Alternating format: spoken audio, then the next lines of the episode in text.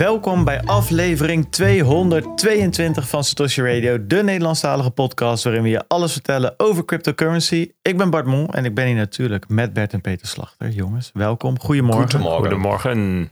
Er zijn mensen die heel erg lekker gaan op dit soort getallen. Hè? 222 of als het s'avonds uh, Ik vind jou ook wel zo'n type uh, eigenlijk. acht voor half uh, elf is. Dat zijn ook mensen die, daar, daar, daar schijnt iets mee te zijn. Maar dat zijn ook de mensen die hun leven manifesteren. Maar dat schijnt ook toch wel te werken. Hè? Dat is toch echt, Ja, uh, misschien moeten we 13 dat uur ook meer doen. 37, hè? dat is het, het moment op de dag om eh, je nieuwe Ja, feature te committen of zo. Weet je, dat ja, soort. Ja, precies. Dat soort bijgeloof.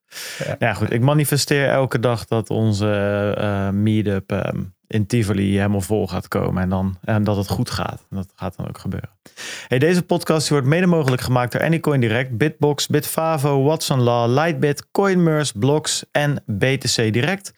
Alles wat wij vertellen is op persoonlijke titel. Moet niet worden gezien als beleggingsadvies. Je ziet die vul je nergens in. Daar hebben we straks ergens in deze uitzending nog wel wat leuks over. Jameson Lop die heeft een artikeltje geschreven over eh, Bitcoin Key eh, Management. Interessant, gaan we het nog wel even over hebben, denk ik. Uh, maar een goede manier om je seed nergens in te vullen is uh, door gebruik te maken van de Bitbox 02 wallet. Nou, dat kan je even gaan bekijken op shiftcrypto.ch. En uh, als je de kortingscode SR gebruikt, krijg jij 5% korting. Dus probeer dat eens uit. Het is een fantastische hardware wallet. Ehm, dus um, ga een kijkje nemen. En gebruik die kortingscode natuurlijk. Hè, als, je, als je er een besluit aan te schaffen. Als je wil, laat dan 5 sterren achter op Spotify. En like de video op YouTube. We hebben inmiddels 1200 5 sterren reviews. Dus dat gaat lekker, uh, gaat lekker door. Ook nice. in de bear market. Ja, best wel sick. Ja. Ik denk echt wel dat uh, als je een um, top 20 maakt uh, in Nederland qua uh, aantal reviews op, je, op Spotify. Of aantal, ja, aantal reviews eigenlijk. Aantal beoordelingen mo moet ik zeggen. Ik denk dat we daar wel in staan. Ik denk dat er heel weinig podcasts zijn die zoveel reviews hebben. Laat staan zoveel vijf sterren reviews. Daar zijn we dat, heel dat lijstje op. is niet te maken zeker. Ja, dan zou je echt moeten gaan scrapen, dan denk ik. Uh, en dan moet je dat zelf even samenstellen. Ja, want contact met iemand van, van Spotify. Kan je het niet ja, zeker. Dat is misschien wel leuk. Kan ik wel eens, ja. even, uh, kan ik wel eens even een mailtje sturen. En kan ik ook meteen vragen waarom de crypto sublijst verdwenen is en vervangen is door iets met start, st podcast voor startende ondernemers of zo. Nou goed. We zijn bereikbaar via Telegram en Twitter. Links vind je op www.satoshiradio.nl. Uh, en natuurlijk Bitcoin Alpha, www.bitcoinalpha.nl. De enige nieuwsbrief die je beschermt en versterkt.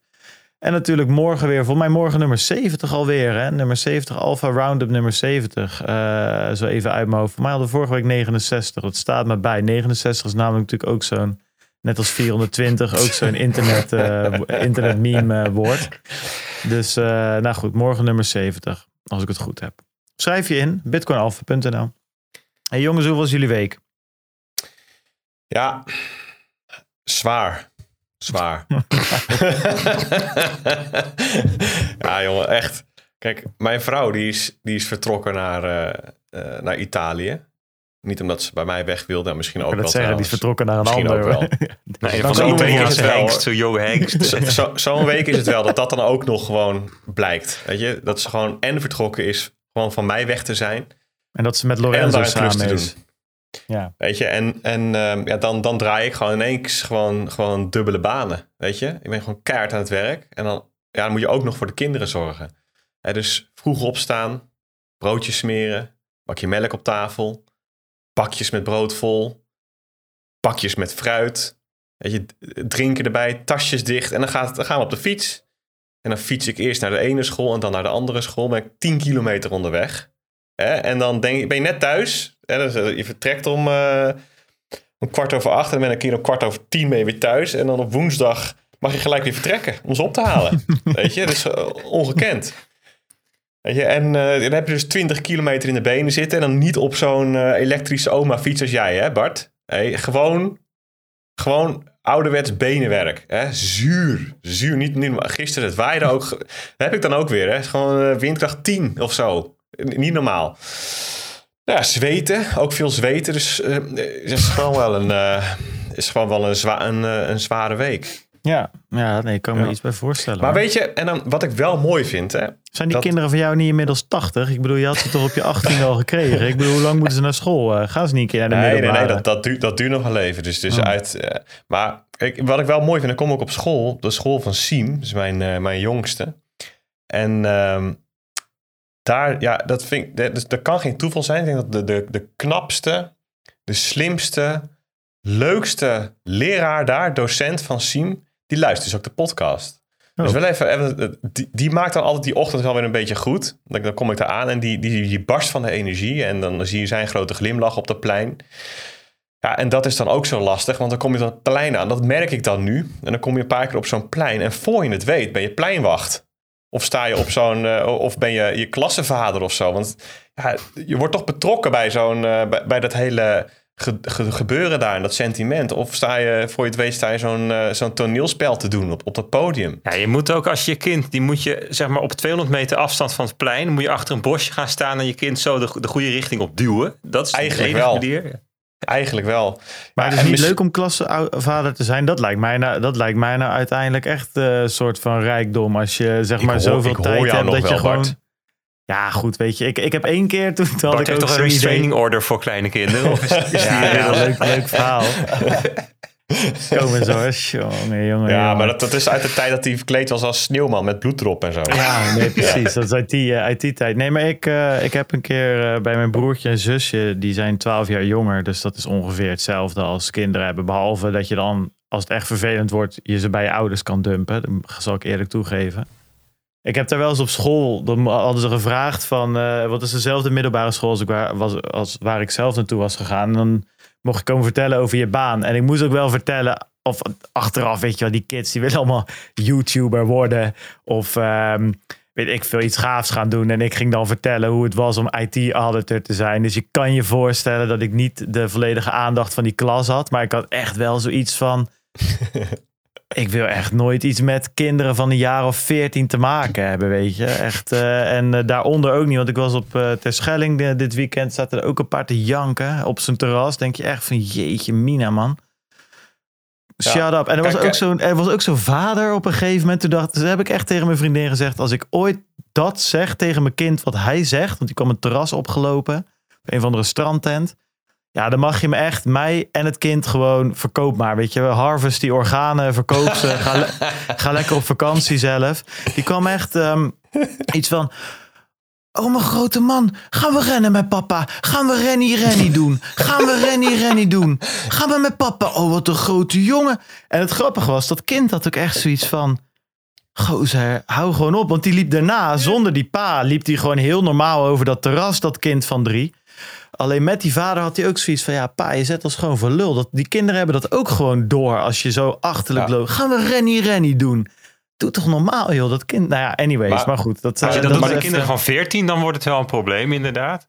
Ja, kinderen Maar- van maar nog drie iets, nog meer, dus- dus- ik, ja. Ik, ik kom dus netjes om, eh, weet ik veel, tussen tien voor half negen, vijf voor half negen kom ik bij die school aan. En blijkbaar, blijkbaar gaan er heel veel kinderen gewoon om acht uur al fietsen. Die zijn er om vijf over acht of zo. Ik denk dat die gewoon weggestuurd worden van huis. Zo van, jongens, papa en mama gaan werken. Gaan, maar, gaan jullie maar naar school. Er staat vast wel een pleinwacht die jullie opvangt. Voetbal, een beetje voetballen. Of zo, En- dat deed ik en- altijd. Misschien ben je wel eens in de, in, de, in de rij geweest om te parkeren. Nou, daar staan soms auto's dat je denkt, wie heeft die neergezet? Er kan dus precies niemand meer naast. Kleine frustratie is dat. Maar goed, de meeste mensen die weten die auto wel tussen de lijntjes te parkeren. Nou moet je eens die fietsenrekken op een basisschool zien. Dat is ongelooflijk. dus dan kom ik daar aan hè, met, mijn- met mijn zoontje, die wil dan zijn fiets parkeren. En er- staan echt meters nou, zat van die fietsenstellingen. Maar alle kinderen die al aangekomen zijn, die weten dus precies de fietsen zo neer te zetten dat er niks meer tussen past. Dus, je sta je daar ook nog eens te klooien met je, met je, eh, met je fiets. En moet dus de hele rij moet je weer. Nou, weet je, zo, zo gaan die ochtenden dus. En, en, eh, maar eigenlijk is dit gewoon even een, eh, een lofzang naar mijn vrouw, denk ik. Eh, eh, want die, die, die, die heeft hier dus eigenlijk elke week mee te maken. En ja, als ik dan weg ben, je wereldje wordt ook klein. Want ja, weet je, je, je staat op met, met je kids en je, je gaat naar bed met je kids. En in de tussentijd is het eigenlijk alleen maar gegaan over dingen waar ik ook niks meer van weet. Weet je, dan, dan ja, ik weet niet of dat aan mij ligt, maar ik denk dat meer ouders dat hebben. Maar, maar blijkbaar wordt er op die scholen worden, ja, er worden, er worden nu inmiddels gewoon dingen gedaan en gezegd en gekeken die gewoon niet meer, die niet bestonden, zeg maar, op, toen ik zo oud was. Ja, ja, jouw z- jongste komt thuis eh, met allemaal Andrew Tate quotes of zo. Ja, of, je, eh, nee, eh, nu, nu luisteren ze naar de vogeljongens. Heb, heb je er wel eens van gehoord? Wat zeg je, sorry? De, ze luisteren nu naar de vogeljongens. Heb je er wel eens van gehoord? Eh, ja, nou, misschien als ik het, als ik het zie. Vogeljongens. Ja. En wat doen die? Oh, dat die zijn, die maken Fortnite liedjes of zo. Ja, die Oké, maken dit- voor. Dus dat gaat dan via de vogeljongens naar Fortnite. Nou, daar kunnen ze uren over praten. Ik bedoel, ik vind het een leuk spel, maar om daar nou uren over te praten, is ingewikkeld. En dus ze proberen de hele tijd een gesprek. te- Dus nou, ja, jullie begrijpen wel, hele zware week, maar ook gewoon echt. Mijn respect is voor, eh, voor eh, de huismoeder, de huisvader. Ehm, die is wel eventjes eh, exponentieel gegroeid. Want je moet er dan wel wat van maken. Maar, en dan, en dan, en dan ehm, ja. weet je waar ik nou mijn kracht en energie uithaal? Ja, uit de meetup. Uit die belachelijk goede meetup die we hadden. Ja. Weet je, en, ja, eh, laten we daar eventjes eh, meteen, eh, voordat we daar ook maar iets van zeggen, eventjes een kleine lofzang. En dan wil ik Mhm. echt een, echt een, een, een hartelijk applaus voor onze eigen Jan. Want die heeft het natuurlijk wel even onvergetelijk gemaakt. Dus Jan, jongen, bij deze bedankt voor de fantastische eerste meetup.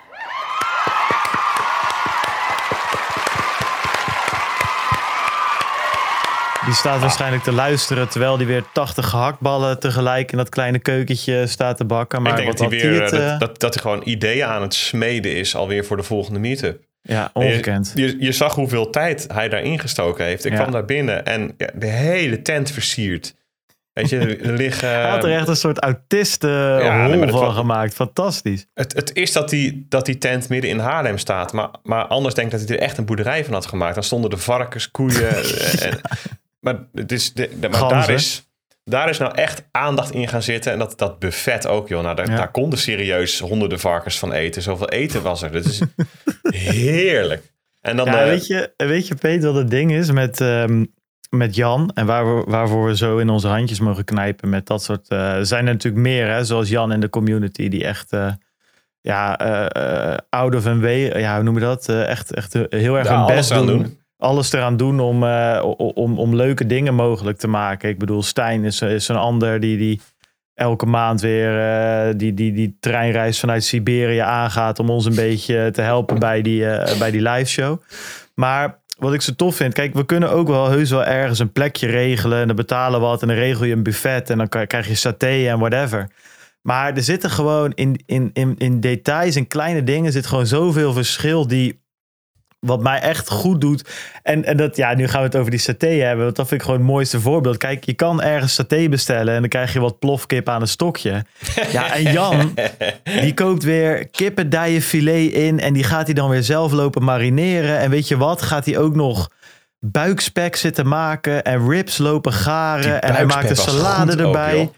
En hij gaat als, oh, jij bent vegetarisch en je houdt niet van salade. Ook, maak wel even een avocado burger van je. Voor, van je. hij maakt avocado burgers van veganisten. Nee, maar dan gaat hij dat ook even lopen maken. Hij had taartjes gemaakt, maar niet zomaar taartjes. Taartjes met een Stoshi Radio logo erop. Ja, een mensen konden gewoon erop. ons ook opeten. Weet je, dat, ja, dat Ja. verzin je van tevoren niet. Nou, dus dat is echt eh, fantastisch. Ik heb echt een leuke avond gehad. Veel gesprekken gehad met leuke, eh, leuke mensen. Ook leuk om te zien dat die community zo eh, gevarieerd is. Als in wel veel mannen, maar goed, ook toch wat vrouwen. En daar ook leuke gesprekken mee gehad. Die zelf in notes aan het draaien waren. Daar toch ook eh, mee begonnen waren. Ja, gewoon heel erg leuk. En wat mij betreft, midden in zo'n bear market, volgens mij, denk dat we tussen de 120 en 130 man eh, opgetrommeld hadden uiteindelijk. Volgens mij zijn er dik 250 eh lightning betalingen gedaan. Nou ja, in een bear market, het is niet het record, dat was 450 geloof ik. Maar ik ben er heel erg tevreden mee. Ik denk dat het echt een hele leuke eerste meetup was. Heel erg geslaagd en dat gaan we zeker vaker doen, denk ik, toch? Nou ja, Ehm. wat mij betreft wel. Sterker nog, die, die frequentie waarmee ik dacht dat we dit zouden gaan doen, mag wat mij betreft wel altijd omhoog. Ik ben helemaal niet zo'n eh borrelaar of eh, een soort van eh, netwerker of zo. Maar als ik op deze, de, aan deze borrel terugdenk, hier was gewoon echt weer gewoon een hele relaxte, fijne sfeer. Beetje zoals die boeklancering. Ja. Heel vergelijkbaar. Hele leuke mensen, diverse groep, oud en jong, man en vrouw. Ja, je hebt gelijk die verhouding nog wat. Maar weet je, als ik dan zie ehm, wat het publiek is, zou me niks verbazen als dat, ehm, eh, die verhouding ook nog wat beter wordt in de toekomst. Ja. Dus ehm, het, was, het was wat mij betreft echt voor herhaling vatbaar. Misschien, eh, misschien moeten we dat elk kwartaal gewoon eens doen of zo. Ja. Veel. Nou ja, kijk, dus eh, daar even over uitweidend. Jan die wil het graag nog een keer doen, dus dat is heel fijn. Eh, dat zal waarschijnlijk in het begin van volgend jaar worden, want eh, we hebben natuurlijk ook een ander event waar we mee bezig zijn. Ten eerste Bitcoin Amsterdam. Daar gaan we het volgende week denk maar eens wat meer even over hebben. Maar ten tweede natuurlijk ook de live show in Tivoli. Dat is wel even belangrijk. Want daar hangt ook iets van een meetup, of iets van, daar hangt ook gewoon een meetup aan vast. Eh, ga even naar meetup.com, jongens. Eh, zoek op eh, Satoshi Radio Meetup en dan zie je hem vanzelf Satoshi Radio live in Tivoli. Laat even weten als je erbij bent. Ja, we hebben uiteindelijk iets van 250 kaartjes. Dus ik zie dat er nu 50 mensen op aanwezig staan. Dus daar moeten we toch echt even wat vaart achter gaan zetten. Als er meer informatie is, laat ik dat ook weten. Maar goed, dat is wel iets ehm, ja, wat ook heel erg vet gaat worden. En waar ik echt enorm veel zin in heb. Als ik dit heb gezien, dat wordt zeg maar dit wat we bij Jan hadden. Eh, en dan nog eens een live eh, podcast erbij. Dat eh, gaat echt heel, heel gaaf worden. Dus ehm, ja, en goed, ik denk dat we daar niet in dezelfde maand ook nog eens bij Jan moeten gaan zitten. Dus ik denk dat we dat gewoon lekker ergens in januari Ja, misschien een nieuwjaarsborrel of zo. Ja, een nieuwjaars. Ja, is dat, zou leuk. leuk zijn. Ja. Eh, zo, over borrel gesproken. Al die biertjes, jongen. Hij had ook al lekkere biertjes gekocht. Het, het is, het is zo'n heerlijke vent. Ik vroeg me echt op het eind van die avond af... waar hebben wij Jan aan verdiend? Dat, eh, dat, dat is echt... zulke parels eh, vind, je, vind, je, niet- vind je niet vaak. Nou, anyways. En hoe gaan wij dan met Jan om? Hè? Heeft hij net ons logo op zijn arm getatoeëerd? Veranderen we het logo? Dus, Ja, dat heb ik, maar dat heb ik gezegd op het moment dat hij dat domme idee in zijn hoofd haalde. Jan, dit logo is niet voor altijd. Maar goed, hij, hij zegt nu, ah, het staat voor de boel en bullish en weet ik. Hij maakt er wel wat van, joh. Die hele arm van hem staat vol met allemaal soort- eh, soort game, is controllers en eh, charts en weet ik het allemaal. Joh. Dus dat maakt ook allemaal geen zak uit. hey, eh, dan zie ik nog dat jij even een klein puntje had. Ja, dat... ehm, dat is, ja, het was super interessant. Maar ik moet zeggen, het was even iets te kort dag om daar nog echt diep in te duiken, Peter. Het was een leuk draadje van Ryan Oh, eh, Ja, maar ik heb, hem hier gewoon even, ik heb hem hier gewoon even tussen gezet. Het was voor mij... eh, er zaten wat bruggetjes eh, in dat verhaal. En die ene naar de meetup. Hè, dus daar, daar hij met heel veel plezier op terug. En daar was niks van de bear market te merken. En het bruggetje naar dit punt toe. Daar is namelijk ook niets van de bear market te merken. Dat is in de community waar nagedacht en gebouwd wordt. En Ja. ehm, ehm, Stanford, dat is die topuniversiteit in de VS, Californië. Die, die had afgelopen week, volgens mij was het 29 tot 31 augustus, de Stanford Blockchain Conference. En die organiseren ze al jaren. Door corona zijn er volgens mij twee edities tussen uitgevallen, of één, ik weet niet, weet niet zeker. Ehm, en op die agenda zie je ook best wel wat onderwerpen langskomen waarvan je zegt van, hey, dit is cool. Hier zijn gewoon mensen lekker aan het, aan het bouwen, aan het nadenken, aan het discussiëren. En dan zie je ook dat Lightning daar op de agenda staat. Als je dan zoekt op Bitcoin en Lightning, vind je niets. Maar dat zijn dan mensen die vertellen over onderzoek naar dingen rondom payment channels. Nou ja, je weet, payment channels, dat is een term die, die komt uit het Lightning-ecosysteem. En daar gaat het dan ook over. En ehm, in aanvulling daarop zag ik ook een, een, een Twitter-draadje van Ryan Gentry. Die werkt volgens mij bij Lightning Labs. Maar dat, weet ik, ja, dat geloof ik wel. Ontwikkelaar daar. Ehm, en die somde in dat draadje ook een stuk of 6, 7, 8 onderzoeken. Ehm, Klopt trouwens, eh, Peter. Daar zit hij inderdaad. Oké. ehm, op naar verschil, zeg maar, met verschillende perspectieven op Lightning. Onder andere, hoe verbeter je de privacy daar? Hoe kun je zero knowledge proofs daarvoor gebruiken? En wat, wat zijn ehm, ehm, aanvalsvectoren op dat netwerk? En hoe kan dat verbeterd worden? En net als Bart heb ik geen tijd gehad, want ik, ik las dat draadje gisteren om die onderzoeken in te duiken. Maar daar kreeg ik ook wel weer zo'n beetje kriebel van, van ah, gaaf, gaaf. Hier, eh, dit, is waar het dit is waar het gebeurt. En ik eh, bespeur mezelf ook. Ik heb wat, wat Twitterlijsten die ik vaak eh, doorneem, gewoon om, om de markt te volgen. En ook eentje van Bitcoin developers. En die lijst is zo ontzettend veel fijner om te lezen dan die andere lijsten waar waar dan de mensen tussen zitten die bijvoorbeeld investeren of uh, memes maken. Of nou niet, niet, met de mindset van een ontwikkelaar of, of onderzoeker naar de markt kijken. Um, dus ja, dit, dat zijn hè, dus, dus die, die hoek van de markt en die meetup, nou, die, die verlichten dan die, die ontzettend zware week die ik achter de rug heb en voor me heb weer een beetje. Ja, nee, ik kan me voorstellen. Ik zal nog even naar een. Uh, of Bert, wilde jij wat uh, haak, haak, haak voor? Ja, eh, dat Stanford-verhaal, daar, dat is zeg maar het positieve perspectief geeft Peter. En ik heb ook een aantal negatieve perspectieven erop zien langskomen. Namelijk, ja, mensen zeggen, joh. Oké, okay, nou, dan niet. Volgende. Nee, Bert. Laat je dan niet eens over je kop zitten door die... Door... Na, namelijk dat... Um, namelijk dat uh, de, de, dat eigenlijk Bitcoin helemaal niet op de agenda staat daar. In ja, de hele, die tweet zocht ik inderdaad. Maar wie had dat nou ook weer? Alex Gladstein was het, want ik zit zijn, uh, zijn timeline te zoeken en ik kan hem even niet meer vinden. Wat tweet Klopt. die gozer Alex Gladstein zei er ook wat over. Hij zei Bitcoin is essentially being ignored at a large technical blockchain conference happening, happening right now at Stanford. Maar een van de 19 program committee heads is focused on BTC. Justin Drake staat erop bijvoorbeeld. Een hele hoop andere guys van per, ook allemaal VC's en zo. En als je dan gaat kijken, het programma, ja, dat begint met um, uh, proof of stake. Uh, en het begint, de, de, tweede gaat over DeFi en Uniswap V3 en weet ik veel wat voor automated market makers. En daarna gaat het over um, um, Ethereum Virtual Machine met zero knowledge proofs. En, ja, en dan komt er op een gegeven moment iets van payment channels, maar dat gaat ook weer niet echt specifiek over Bitcoin per se. En dus het, dat speelt dan ook een rol. Dus, dus uh, sponsors, Ethereum Foundation, Omise Go, Divinity, Polychain, dat zijn dan de sponsors. Uh, Chainlink. Uh, dus, dus ja, ik vind het een vrij positieve interpretatie, zal ik maar zeggen. dat, het, dat Lightning daar hot is of zo. ik bedoel, het gaat voornamelijk over andere dingen die Bitcoin maximalisten zouden zeggen: van als je daarheen gaat, dan mag je nooit meer komen op ons feestje. Beetje zoiets. Ja, ja prima, dat mogen ze, mogen ze vinden. Als ik die, uh, die talks zie en de titels ervan, zit er heel veel tussen waarvan ik denk, hey, interessant, dat zou ik best eens willen horen. Of willen, willen luisteren naar wat ze te vertellen hebben. En uh, tuurlijk, niet alles is, is Bitcoin gerelateerd, maar ik ben ook niet compleet Bitcoin gerelateerd. Ik vind het wel gewoon interessante dingen.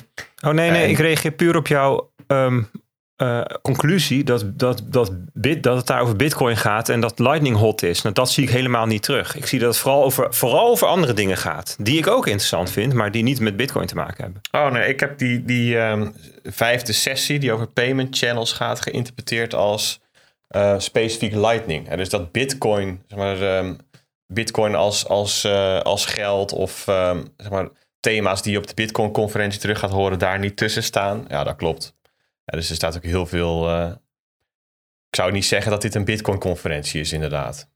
Zeker niet. Zo, maar die uh, Alex Gladstein, jongen, wat tweet die veel, joh. Ik zit even door die tijdlijn te gaan. Dat is echt niet normaal. Echt honderden tweets in, in een paar dagen, joh. Dat is echt niet, uh, niet te houden. Daar vind je toch niks in terug. En doe je dan nog wat voor de rest? Of ben je dan echt de hele dag aan het tweeten. Nou goed, anyways, vragen, vragen, vragen. Um, ja, Mooi. serieus. Ik zit te scrollen en ik zit inmiddels op augustus, 27 augustus. Dat is vier dagen geleden. Ik heb echt, echt een lamme, lamme vinger van het scrollen. nou ja, goed. Goede vingertraining.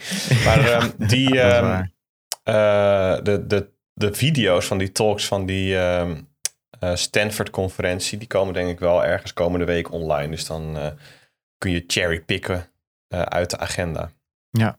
Voor wie wat tijd over heeft. Dan gaan we dat, uh, gaan we dat doen. Uh, voor de rest, we hadden wat donaties gehad deze week.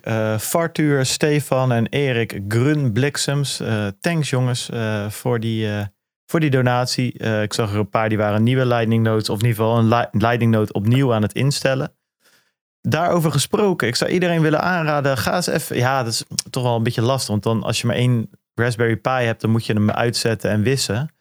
Maar als je nog een Raspberry Pi hebt liggen of zit aan zit te denken om een Note eh, te installeren, dit is wel het moment. Uh, want Raspberry Blitz is echt, ja, ik vind het echt een tof, uh, echt een tof pakketje geworden. En Umbrel trouwens ook hoor. Die hebben ook weer wat dingen bijgevoegd die ook wel leuk zijn om uit te proberen. Volgens mij RoboSats, een of andere manier om via je eigen node sats te kunnen verkopen. Ben benieuwd hoe dat precies werkt. Maar goed, dat kun je dus allemaal uit gaan proberen. Dat zit er nu allemaal in. En ze hebben een nieuwe manier om um, ja, to toch je backups en je recovery vooral uh, beter um, uh, te laten verlopen. Dus mensen die dat al geprobeerd hebben, laat vooral ook even in de chat weten of dat een beetje werkt. Daar ben ik eigenlijk wel heel benieuwd naar. Mijn eigen Umbrel node is namelijk verrot. Dus die moet ik weer even een keertje opnieuw installeren. Dus ik ben er erg benieuwd naar of mensen dat al geprobeerd hebben. Connect the World. Um, ja, wat over, over uh, Umbrel en Lightning en, en, en nieuwe tools gesproken. Uh, Nitesh Balasu uh, was de gast deze week. En die werkt aan een ja, user interface front-end zou het kunnen noemen voor Balance of Satoshis. En Balance of Satoshis is een tool van Alex Bosworth, die veel mensen of veel node operators gebruiken om ja, ja, je kanalen te managen, om het zo maar te zeggen. En dan vooral je fees. Dus je kan bijvoorbeeld automatisch kijken hoe jouw node uh, ervoor staat en wat, wat, hoe centraal je in het netwerk zit en allemaal van dat soort uh, uh, metrics om jouw positie te verbeteren. Maar je kan dus ook automatisch je fees aan laten passen op het moment dat je een kanaal heel erg hard leegloopt aan de ene kant, of juist veel te veel verkeer heeft naar de andere kant toe. Nou, dat is voor node operators eigenlijk een belangrijke tool. Het probleem was dat het ja, redelijk um, ja, niet moeilijk was om te gebruiken. Maar goed, het had geen grafische um, user interface. En die is niet testjes aan het bouwen. Nou, Stef en Ed vragen hem het hemd van het lijf, zoals elke week. Uh, dus ga die podcast luisteren als je daar meer over wil weten. Uh, Connect the World kan op Spotify, kan natuurlijk op YouTube. En ik zou echt proberen het eens een keer. Ik hoor wel eens van die jongens uh, hoeveel mensen er nou overvliegen van onze podcast naar die podcast. Vind ik opzienbarend weinig. Dus geef het een keer een kans. Je kan bijvoorbeeld ook de aflevering met um, Adam Curry terugluisteren. Was ook echt een top aflevering. Ze hebben Alex Bosworth zelf gehad. Kan je ook terugluisteren is echt de moeite waard. Ze spreken echt wel hele interessante mensen in, die, in dat Lightning-ecosysteem. Dus um, ga dat een keertje checken. Dan is het denk ik tijd om naar de marktupdate eh, te gaan, uh, Bert. Uh, volgens mij zijn er weer inflatiecijfers naar buiten gekomen, zag ik. Uh, daar zullen we het denk ik even over gaan hebben. Maar um, ja, trap hem vooral af hoe je het, hoe, je het zelf wil. Ik ben wel benieuwd waar we het deze week um, over kunnen gaan hebben. Ja, nou, laten we eerst maar eens eventjes naar Bitcoin en zo kijken. Want dat is natuurlijk uiteindelijk waar we in geïnteresseerd zijn. En um, ja, eigenlijk zeg maar in grote lijnen niet veel opzienbarends. We zitten nog steeds tussen die, uh, laten we zeggen, 18.000. Nou, misschien ietsjes hoger moet, zou je moeten tekenen. En dan zeggen tussen 19.000 en de 24, 25.000. Daar natuurlijk al sinds... Uh, nee, 13 juni kwamen we daarin. Dus dat is, dat is nu 1 september. Dus over twee weken is het half september. En dan is het juli, augustus, september. Zitten drie maanden alweer eigenlijk in dat best wel smalle bereik. Hè. En vorige week donderdag toen we de podcast opnamen. Oh, dat was trouwens een live show hè, vorige week. Dus dan moet ik eigenlijk bij de avond kijken. Maar toen zaten we zo'n beetje rond de 21.500 dollar. En nu gaan we, uh, zitten net onder de 20. Dus we gaan richting de 19,8 zag ik net. Het zal even 1905 geweest, dus toch wel weer een stapje lager. Hè? 2000 dollar, dat is niet zoveel als je op uh, 68 zit misschien, maar op uh, 20 is het ineens toch weer 10% dus die stapjes van 2000, waar op een gegeven moment wel aan gewend. Oh, hij is vandaag weer 4000 dollar hoger dan gisteren. Bijna weer tijd voor een gans, weet je, weet je dat uh, perspectief. Maar ja, dat is nu gewoon 10% dus 10% lager dan, uh, dan vorige week. Um, en um, Bitcoin is niet de enige die zwak is, zeg, die, die um, in waarde daalt. Uh, ook de Amerikaanse aandelenindexen die gaan echt, echt hard naar beneden. Ook vandaag weer. Maar ik zag ook zilver en goud. Hè? Dus even voor alle goldbuggers onder ons, voor alle precious metals lovers. Ja, dat, dat, dat doet ook gewoon wel pijn. Want laten we nou even voor de gein zilver kijken bijvoorbeeld. Ja, die zat um, augustus 2020, hè, dus dat was na corona de reactie tegen de 30 dollar aan. In 2021 voorjaar ook nog eventjes. Nou, en dan maart dit jaar nog op 6, 27 dollar bijna, 26,9. En nu op 17. En dus dat is bijna gehalveerd ten opzichte van die hoogte. Dat, nou ja, dat is dan, dat, ik bedoel, dan is Bitcoin wordt natuurlijk als extreem volatiel gezien. Maar ja, je, zilver zit er niet idioot veel naast dan. Hè? Dus, ehm, dus zilver en, uh, en, en goud. En de rentes die stijgen ook. En nou ja, je weet misschien nog wel, bij obligaties is het zo dat de waarde van je obligatie die daalt als de rente stijgt. Dus dat is omgekeerde um, uh, uh, relatie tussen de prijs en, de, en het rendement. De, dus de waarde of de koers en het rendement. En die, die, die rentes die stijgen best wel stevig. Hè. Dus we pakken eventjes de 10 jaar, stond op 2,5 procent begin augustus en nu op 3,2 in Amerika. Dus dat is best wel een groot, grote beweging. Tweejaarsrente die is inmiddels gestegen naar 3,4 procent. En die tweejaarsrente, dat is altijd wel even interessant om in je achterhoofd te hebben. De tweejaarsrente die zegt eigenlijk iets over waar verwachten we dat het monetair beleid van de centrale bank heen gaat in de komende tijd. Eh, dus, want ja, dat je dat, die, die kijkt toch um, een hele korte toekomst in. En de tienjaarsrente, dat is vooral, daar zit vooral in, wat zijn de verwachtingen eh, van de markt ten aanzien van de economische groei en de inflatie uh, en eventueel um, kredietrisico. Hè. Dus als je een land hebt wat mogelijk wel eens failliet zou kunnen gaan, dan zit er een stukje risico in. Nou ja, dat is bij Amerika en Europa, Duitsland, weet je, is dat wat minder aan de hand. Um, dat kun je namelijk ook weer meten welk gedeelte daarvan het, het, het, het, het is, zeg maar, met credit default swaps bijvoorbeeld. Nou ja, dan is het dus in, in, in dat soort betrouwbare, stabiele landen, hè, even vanuit het perspectief van de markt gezien, zit daar dus vooral in de verwachtingen van toekomstige inflatie en toekomstige groei. Dus die tienjaarsrente, nou die tweejaarsrente die heel erg stijgt, dat zegt dus ook wat over, je zou kunnen zeggen, de ruimte die de Fed heeft om de rente te gaan verhogen. En nou, dan komen we langzaam een beetje bij het, het eerste onderwerpje ook van de marktupdate van Jackson Hole vorige week, vrijdag. Uh, de toespraak van, van Jerome Powell. Um, vorige week was er een grote conferentie van centrale bankiers in uh, Amerika, Jackson Hole. Dat is, uh, um, we hebben het er vorige week volgens mij ook heel eventjes over gehad. Hè? Dat is een geheugdje in, in Wyoming, net ten zuiden van Yellowstone. Mooie omgeving. Prima omgeving om even met elkaar te reflecteren op wat gaan we met elkaar doen. Hè? En dat is ook wel meestal wat daar naar buiten komt als daar dan centrale bankiers gaan spreken. Want dat doen ze allemaal. Hebben ze allemaal even een momentje. Dan komen er best wel wat ja, visionair is een groot woord voor een centrale bankier. Maar wel wat meer van een afstandje gekeken naar wat zijn we nou allemaal aan het doen. En dat was bij Jerome Powell helemaal niet zo. Die had een hele korte speech, een minuut of acht. En die had, wat hij eigenlijk uh, probeerde is um, een soort van reparatie van zijn vorige speech. Namelijk die, uh, de persconferentie bij de renteverhoging eind juli. Um, en hij, hij, hij zei eigenlijk, de kern van zijn boodschap was: wij nemen het bestrijden van inflatie echt heel serieus. Jongens, allemaal let op. Attentie, attentie. Wij zijn inflatie aan het bestrijden. De rente moet echt hoger dan de 2,5% waar die nu staat. En dat gaan we ook doen. Um, en hij moet ook een tijdje op het hoge niveau blijven.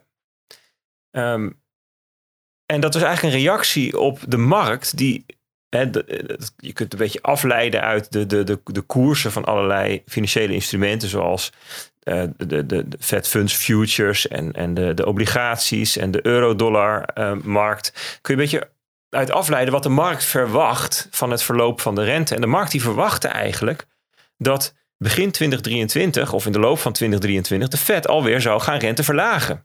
Ja, dus nu wel, weliswaar rente verhogen en dan vrij snel ook weer renteverlagingen omdat de economie in een recessie gekomen is en het nodig is, of op een of andere manier in ieder geval uh, er dingen stuk zijn gegaan en het nodig is om die rente te verlagen. En die hoop moet men laten varen, was de boodschap van Jerome Powell. En hij zei er ook bij, het, het, het, het bestrijden van inflatie, dat gaat nu eenmaal pijn doen.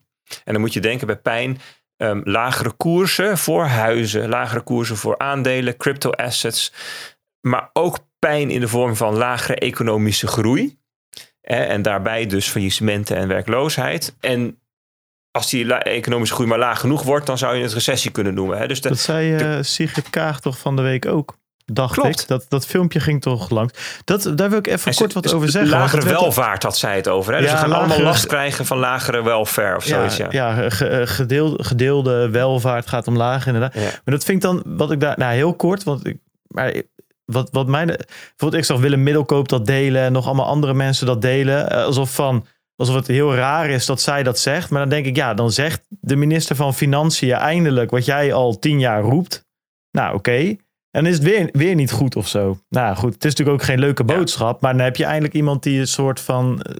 Ja, waar, Ja, waar, waar, anyways. waar- waar mensen zich druk om maken die dat posten, is dat ehm, zij degene is die dat niet moet beschrijven, maar die dan moet zeggen: we gaan het fixen. Of sorry dat we dit überhaupt hebben laten gebeuren. Want hun punt is namelijk dat deze eh, pijn helemaal niet nodig is geweest, want het gevolg van incompetent besturen van de economie.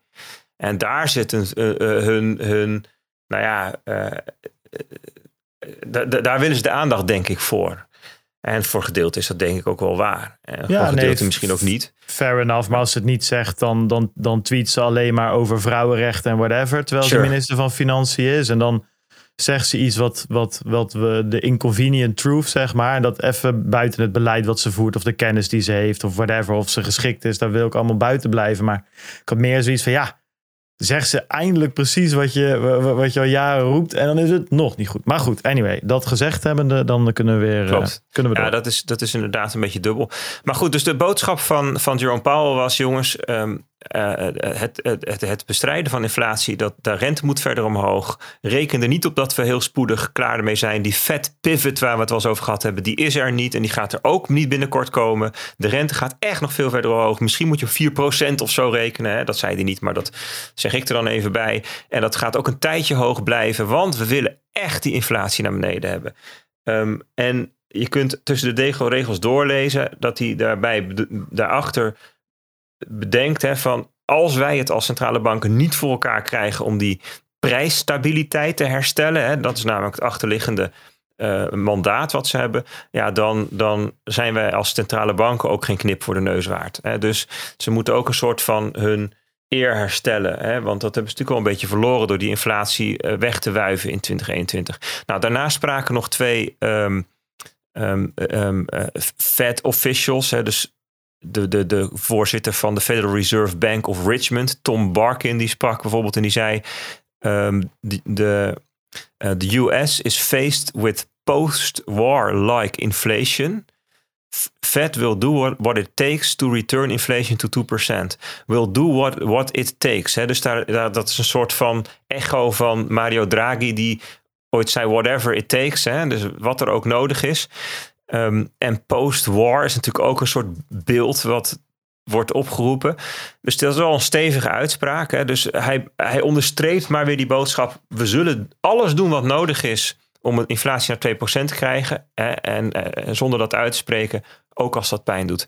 Um, Neil Kashkari eh, van de Federal Reserve van Minneapolis, die, ze- die reageerde erop en zei: People now understand the seriousness of our commitment to getting inflation back to 2%. En dus hij, hij onderstreept het ook nog eens. En hij zei ook dat hij blij was met de reactie van de markt. I'm happy with the market response. Dus het ging over dat, de, dat, de, dat, de, dat eigenlijk al die markten gingen dalen. Waar we het net even over hadden. Dus bitcoin die daalde, maar de aandelenmarkten ook. En de obligaties en precious metals. Eigenlijk overal zie je de reactie van dingen die minder waard worden. En zegt dat is goed, want ja, weet je, dat is, dat is eigenlijk de enige manier om de vraagkant van de economie eh, te raken. Ehm, dus dat, dat, dat onderstreept even wat er vorige week is gebeurd. Hè. Dat is dat de, de, er een hele duidelijke ondubbelzinnige boodschap naar de markt is gegaan. Eh, eh, mensen, ehm, we gaan echt nog wel even door met het verkrappen van het monetair beleid, van de financieringscondities, hè, eh, zeggen we dan. Dus de, zeg maar de, het gemak waarmee bedrijven bijvoorbeeld kunnen lenen. Dat gaat echt nog wel krapper worden. En dus ook huishoudens.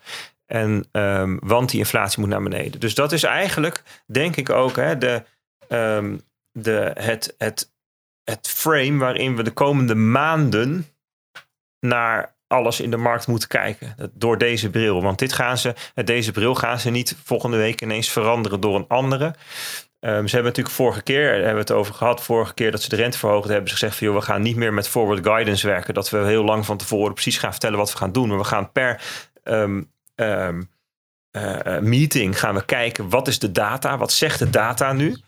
en hij heeft dus nu eigenlijk toegelicht van nou ja, als wij het hebben over wat zegt de data, dan hoef je niet te kijken naar, of het, naar de, de, de beurskoersen. Dat interesseert ons niet. Je hoeft eigenlijk ook niet te kijken naar recessieindicatoren, want ook die pijn vinden we acceptabel. Je hoeft eigenlijk alleen maar te kijken naar inflatie. En zolang die nog hoog is, is het antwoord: we gaan door met stijgen en of hoog houden van de rente. Dus nou ja, dat, is, dat, eh, dat weten we dan nu, zeg maar. Daar is nu geen twijfel meer over.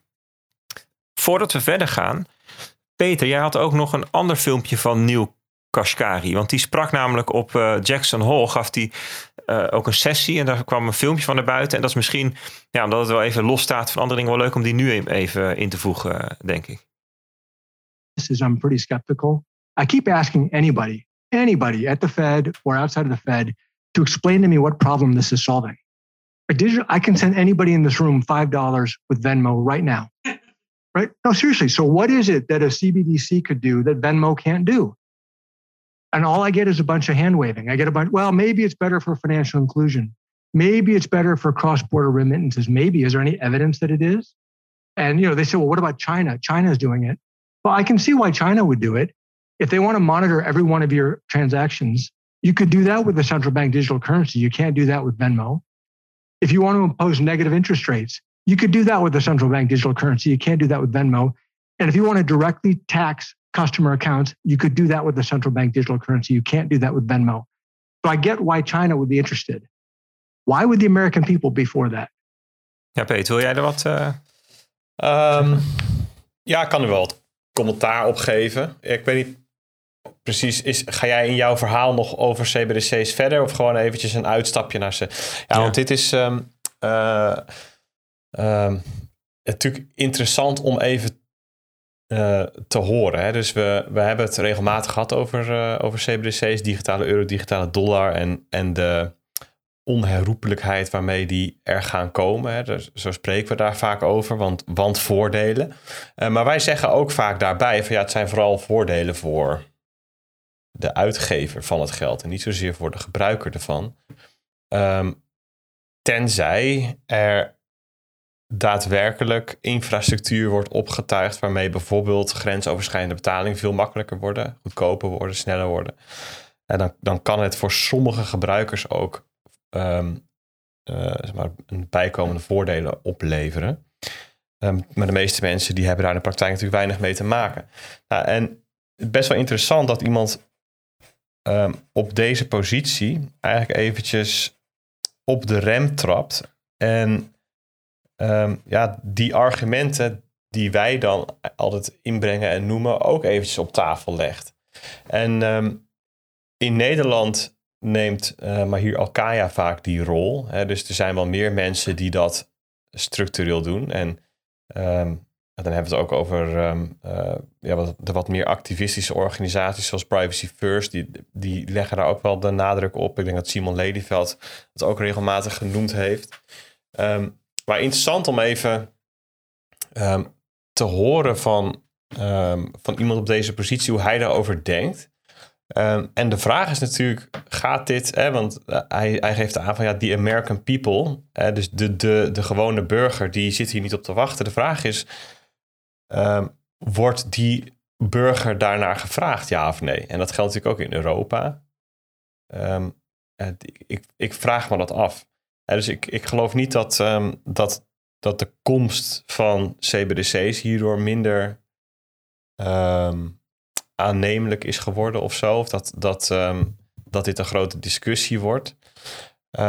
maar toch is het een leuk fragment om even zo gehoord te hebben, denk ik. Maar wat, ik, wat ik niet helemaal snapte, is waarom ik, uh, maar, ja, misschien heb ik het gemist, maar hij heeft het niet. Eh, het is natuurlijk wel gewoon digitaal centrale bankengeld. Uh, even buiten het feit dat het allemaal voor surveillance-achtige doeleinden gebruikt kan worden. Allemaal China-achtige dingen die we niet willen. Was het hele idee natuurlijk ook dat je kan sparen uh, digitaal met geld wat daadwerkelijk geld is. En niet een vordering bij een een of andere commerciële bank. Hè? Dus Dat, is ziet hij dus niet als een probleem. Nee, ja, nee, schijnbaar niet. En misschien is het ook wel geen eh, probleem. Hè? Misschien met al die regelgeving en al die Basel, whatever, wetgevingen voor liquiditeit van, van financiële instellingen. En hoeveel ze achter moeten houden en de buffers die ze moeten hebben. En wat ze wel en niet voor producten aan mogen bieden. Is het ook geen probleem meer dat je je digitale geld gewoon bij, bij een eh, eh, commerciële bank zet. Die het dan weer bij een centrale bank zet, s'nachts, het overtollige kasgeld. Ja, wie weet, dat is waar. Alleen ik vond het vreemd dat dat dan, dat, dat is voor mij wel het argument. Hij zegt, wat, Ja. wat kan, wat kan eh, CBDC wel, wat Venmo niet kan? Nou, dat zou een argument zijn wat Venmo niet kan op dit Nou, moment. En wat is- CBDC wel kan. Er is nog wel iets, want wat Venmo niet kan, is ehm, interacteren met een buitenlander. Dus dit is heel erg nationali- binnen, Ja. binnen, dom- do- domestic gedacht. Ehm ja, er komt mij, had ik het altijd nou vorige week verteld over, ehm, over dat VIPS in eh, Noorwegen? Of was het uiteindelijk niet in de show gekomen? Ik geloof het niet. Maar ehm, het, is een, het is gewoon wel een ding. Hè? Ideal, ja, hartstikke leuk, Ideal en Tikkie. Alleen iemand uit Australië kan jouw tikkie niet betalen, want hij heeft geen ideal. Hartstikke leuk dat Venmo, maar iemand uit Japan kan jou niet een eurotje Venmo'en. Want dat is alleen maar als je de Venmo-app kunt installeren. Dat kan alleen als je in de VS woont. In, in Ja. Noorwegen doet iedereen alles met VIPS, VIPPS om ehm, te betalen. Zelfs parkeerplaatsen en bessen langs de weg. Maar ja, als buitenlander, als niet-Noorwegenaar, kun je geen VIPS-account krijgen. En dus de hele internationale. Maar ja, de- de- de- dat, dat vind ik een, een, een, een, wel echt een vraagstuk over Venmo als argument. Alleen het punt is, CBDC's lossen dat ook niet op. Omdat CBDC's ook lokaal zijn en je dan ook heel erg met in- interoperabiliteitsvraagstuk zit. Dus dit is geen argument voor CBDC's, alleen wel tegen Venmo en dus voor een open Maar- internationaal protocol zoals Ik, Bitcoin. ik, ik denk als hij deel zou nemen aan deze discussie, eh, dat hij eh, het volgende zou zeggen. Hè. Dus je hebt, ehm, ik weet niet of hij alleen Venmo noemde, maar misschien ook een PayPal. En daarmee is het al wel weer makkelijker om grensoverschrijdende betalingen te doen. Ik heb via PayPal ehm, een zwagertje die in de VS zit, gewoon even wat, wat geld opgestuurd. En dat kostte eigenlijk na, nauwelijks ehm, tijd of moeite of eh, een transactiekosten, die vielen ook heel erg mee. Ehm, hè, dus, dus die Dat is diensten... voor bedrijven wel anders trouwens hoor, met PayPal. De transactiekosten. Ja, dan. alleen, hè, alleen vanuit dat perspectief kan je zeggen van, nou ja, weet je, dat, dat is dus wel mogelijk. Weet je, daar heb je niet een CBDC voor, voor nodig. En datzelfde geldt voor ehm, het spaarargument. Ja, als dat, als dat iets is dat gewenst is, ja, richt dan een depositobank op.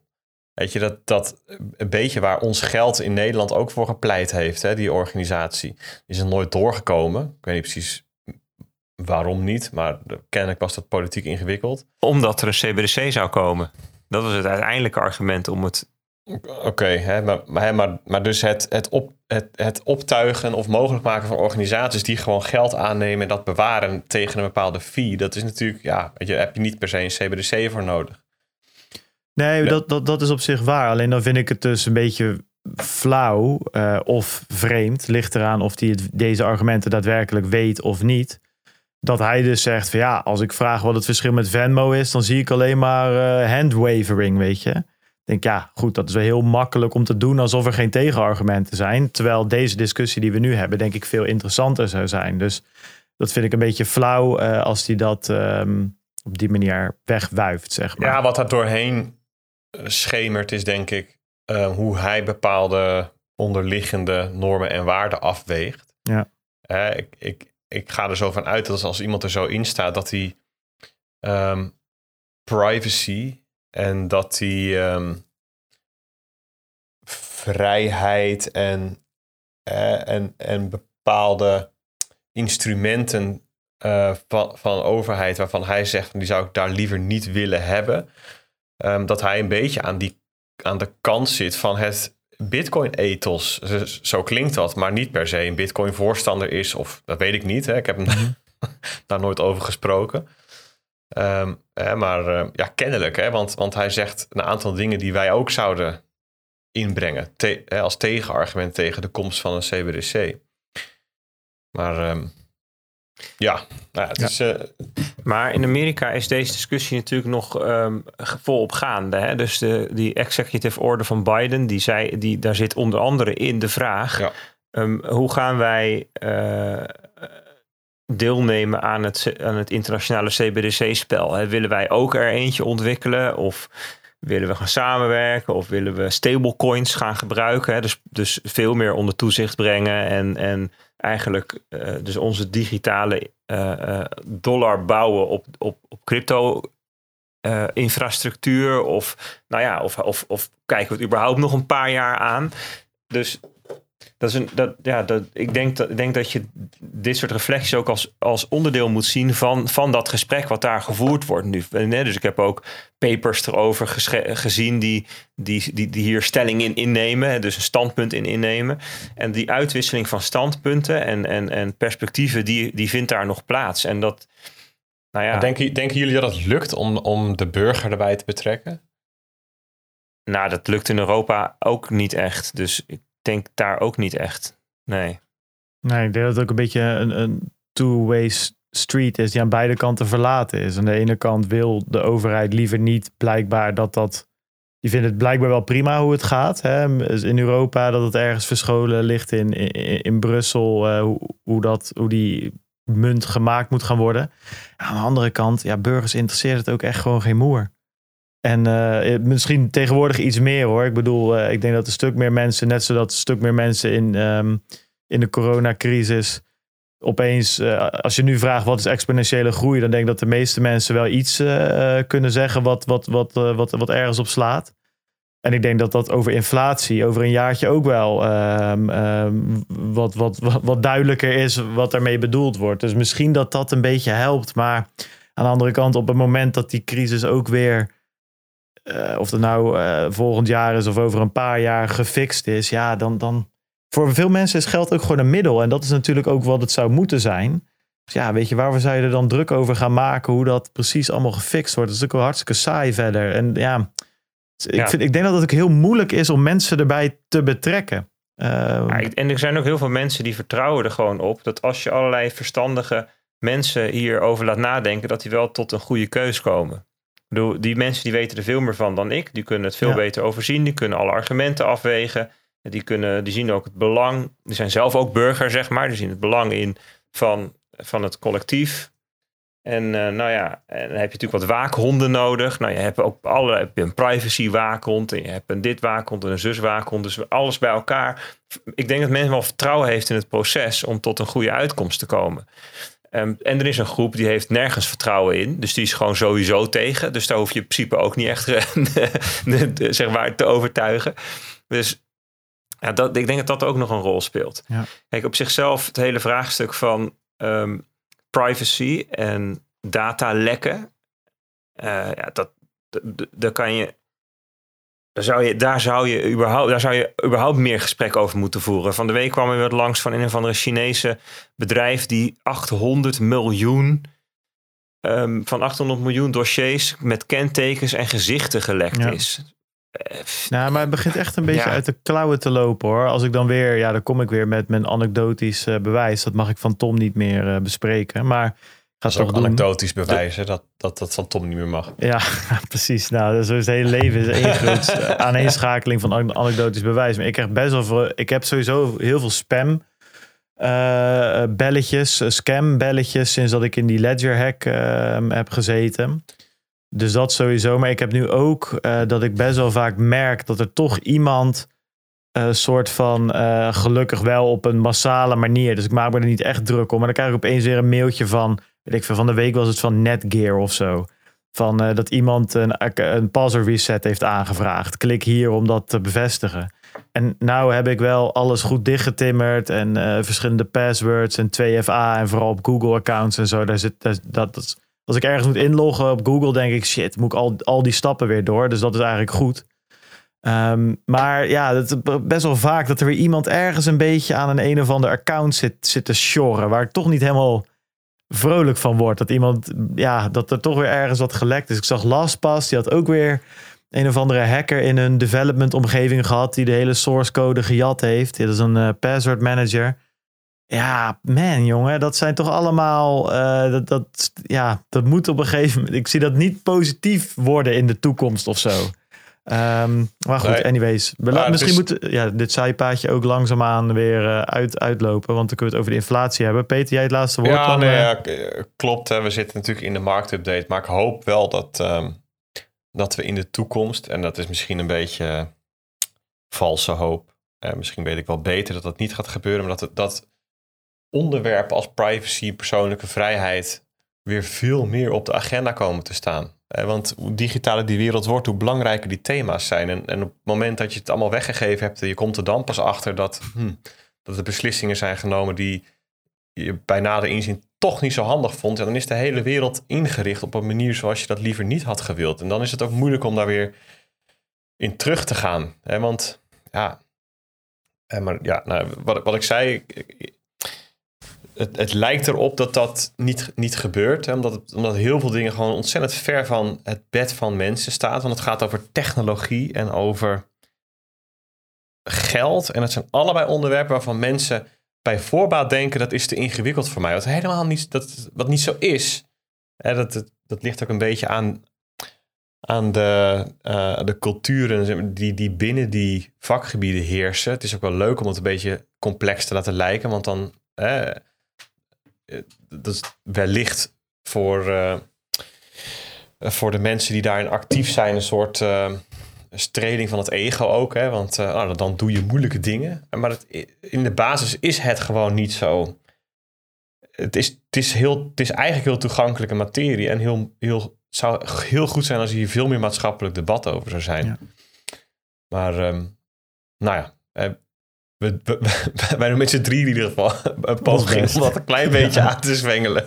Maar, maar ik denk dat wij niet invloedrijk genoeg zijn om, eh, eh, ja, om, om eh, beslissingen waar ik van denk dat, dat die echt de verkeerde kant op gaan om die tegen te houden of zo. Ja. Maar goed, ja, dus, dus ehm, laten we teruggaan naar, naar Inflatie. Update. Ja, dus we hadden het gehad over de, de, de meeting in Jackson Hole, waar ehm, De meetup. de meet-up, ja, de meet-up van centrale bankiers. Ik Alles denk dat daar ook heerlijk thee. Ja. Klaas Knot was daar met, eh, met zijn barbecue om. eh, die was trouwens wel bij Klaas Knot. Die zei ook wat over de Europese Centrale Bank, die volgende week, ehm, volgende week donderdag of woensdag, in ieder geval volgende week ook ehm, een rentebeslissing gaat nemen. En hij pleitte voor ook stevig ingrijpen van eh, Europa. Nou ja, goed, er is nog nauwelijks ingegrepen, dus dat, dat mag ook wel even. Maar ehm, ehm, eh, dus het kader waarbinnen we naar de markt kijken is dat centrale banken, laten we het even breder nemen dan alleen maar de Amerikaanse, maar zeker de Amerikaanse, dus ehm, echt agressief, hè, dus hawkish, doorgaat met het verkrappen. Nou, gaan we even naar Nederland. Ehm, eh, ja, oh ja, dat is wat nog wel goed is om te zeggen. In, in, in de Verenigde Staten, vanuit Amerika, kwamen deze week wel wat re- redelijk positieve signalen over de economie. We hebben natuurlijk de afgelopen tijd heel veel soort van voortekenen laten zien die, zeggen, die wijzen op eh, ehm, eh, afnemende economische groei. Hè. Dus, dus het gaat richting recessie. Allemaal eh, voortekenen, hè. Dus, dus de leading indicators. Maar nu zie je toch op een aantal vlakken dat je van, nou ja, er komt toch wat meer vertrouwen terug weer. Hè. De economie, dus wat, wat consumentenvertrouwen komt wat terug. En werkloosheidscijfers zien er toch al beter uit. Of, en, weet je, van dat soort dingetjes. Ik denk van, oké, nou ja, goed. Ehm, eh, Amerika is echt anders dan Europa. Want laten we overstappen naar Europa. Hier gaat het echt niet best. Hè. Die, die, die, die energieprijzen die gaan echt door het dak. Ja, ze, de- eh, ze dalen dan de futures, die dalen dan nu weer iets. Maar ja, dat heeft ook te maken met speculatie natuurlijk. En, en het echt, het was echt parabolisch. Eh, Er was bitcoin niks bij. Ehm, en dan kwamen het gisteren, eergisteren en de dag daarvoor kwamen er wat inflatiecijfers van Europese landen uit. Ik geloof gisteren de Nederlandse, de HICP, hè, dus dat zijn de geharmoniseerde prijsindex die voor Euro- Europa gebruikt wordt om Europese landen vergelijkbaar en, en optelbaar te maken. Ehm, en daar komt de inflatie op 13,6% uit. Nou, ik weet echt nog wel dat wij het dan wel eens hadden over landen met double-digit inflation. En dan, dat was een soort van ehm, eh, eh, aanwijzing voor, nou je, dat zijn de landen waar het geld echt stuk is. Weet je, hier in Europa, ja, daar, daar hebben, hè, kun je best wel het vraagteken zetten bij hoe het geld dan werkt. Maar je hebt ook landen die zitten of in, onder een dictator, of je kunt er gewoon worden uitgesloten naar willekeur, of ze hebben double-digit inflation. Ja, weet je, een beetje, beetje Libanon, uh, um, Turkije-achtig scenario. Vanuit je dan je moet je ochtends moet je, uh, moet je smiddags moet je even opnieuw pinnen, omdat je dan. Um, nee, hoe, zo, ja, hoe zit het ook weer? Oh, je, moet je, je moet je loon moet je meerdere keer per maand krijgen, want dan in, inmiddels is de munt minder waard geworden. Weet je, zo'n zo soort. Uh, de, maar goed, dat, in, in Nederland 13,6 procent. Dus het zit wel um, in de orde grootte van waar we vroeger naar keken. Van nou, dat is een falend geld. Nou, oké, hier liggen natuurlijk wel ander soort oorzaken aan ten grondslag hè, dan in dat soort landen. Um, 8% punt. Laten we het even afronden op 14. Dat is wel makkelijk. 8% punt is energie. 2 procentpunt is voedsel en 4 procentpunt is overig. En in overig zitten de diensten onder andere. Dus hoger worden salarissen, duurdere kapper, weet je, dat soort dingen. 8% energie. En dat is dan, um, dat is dan weer op te delen in 6 procentpunt um, gas, elektriciteit en 2 procentpunt motorbrandstoffen.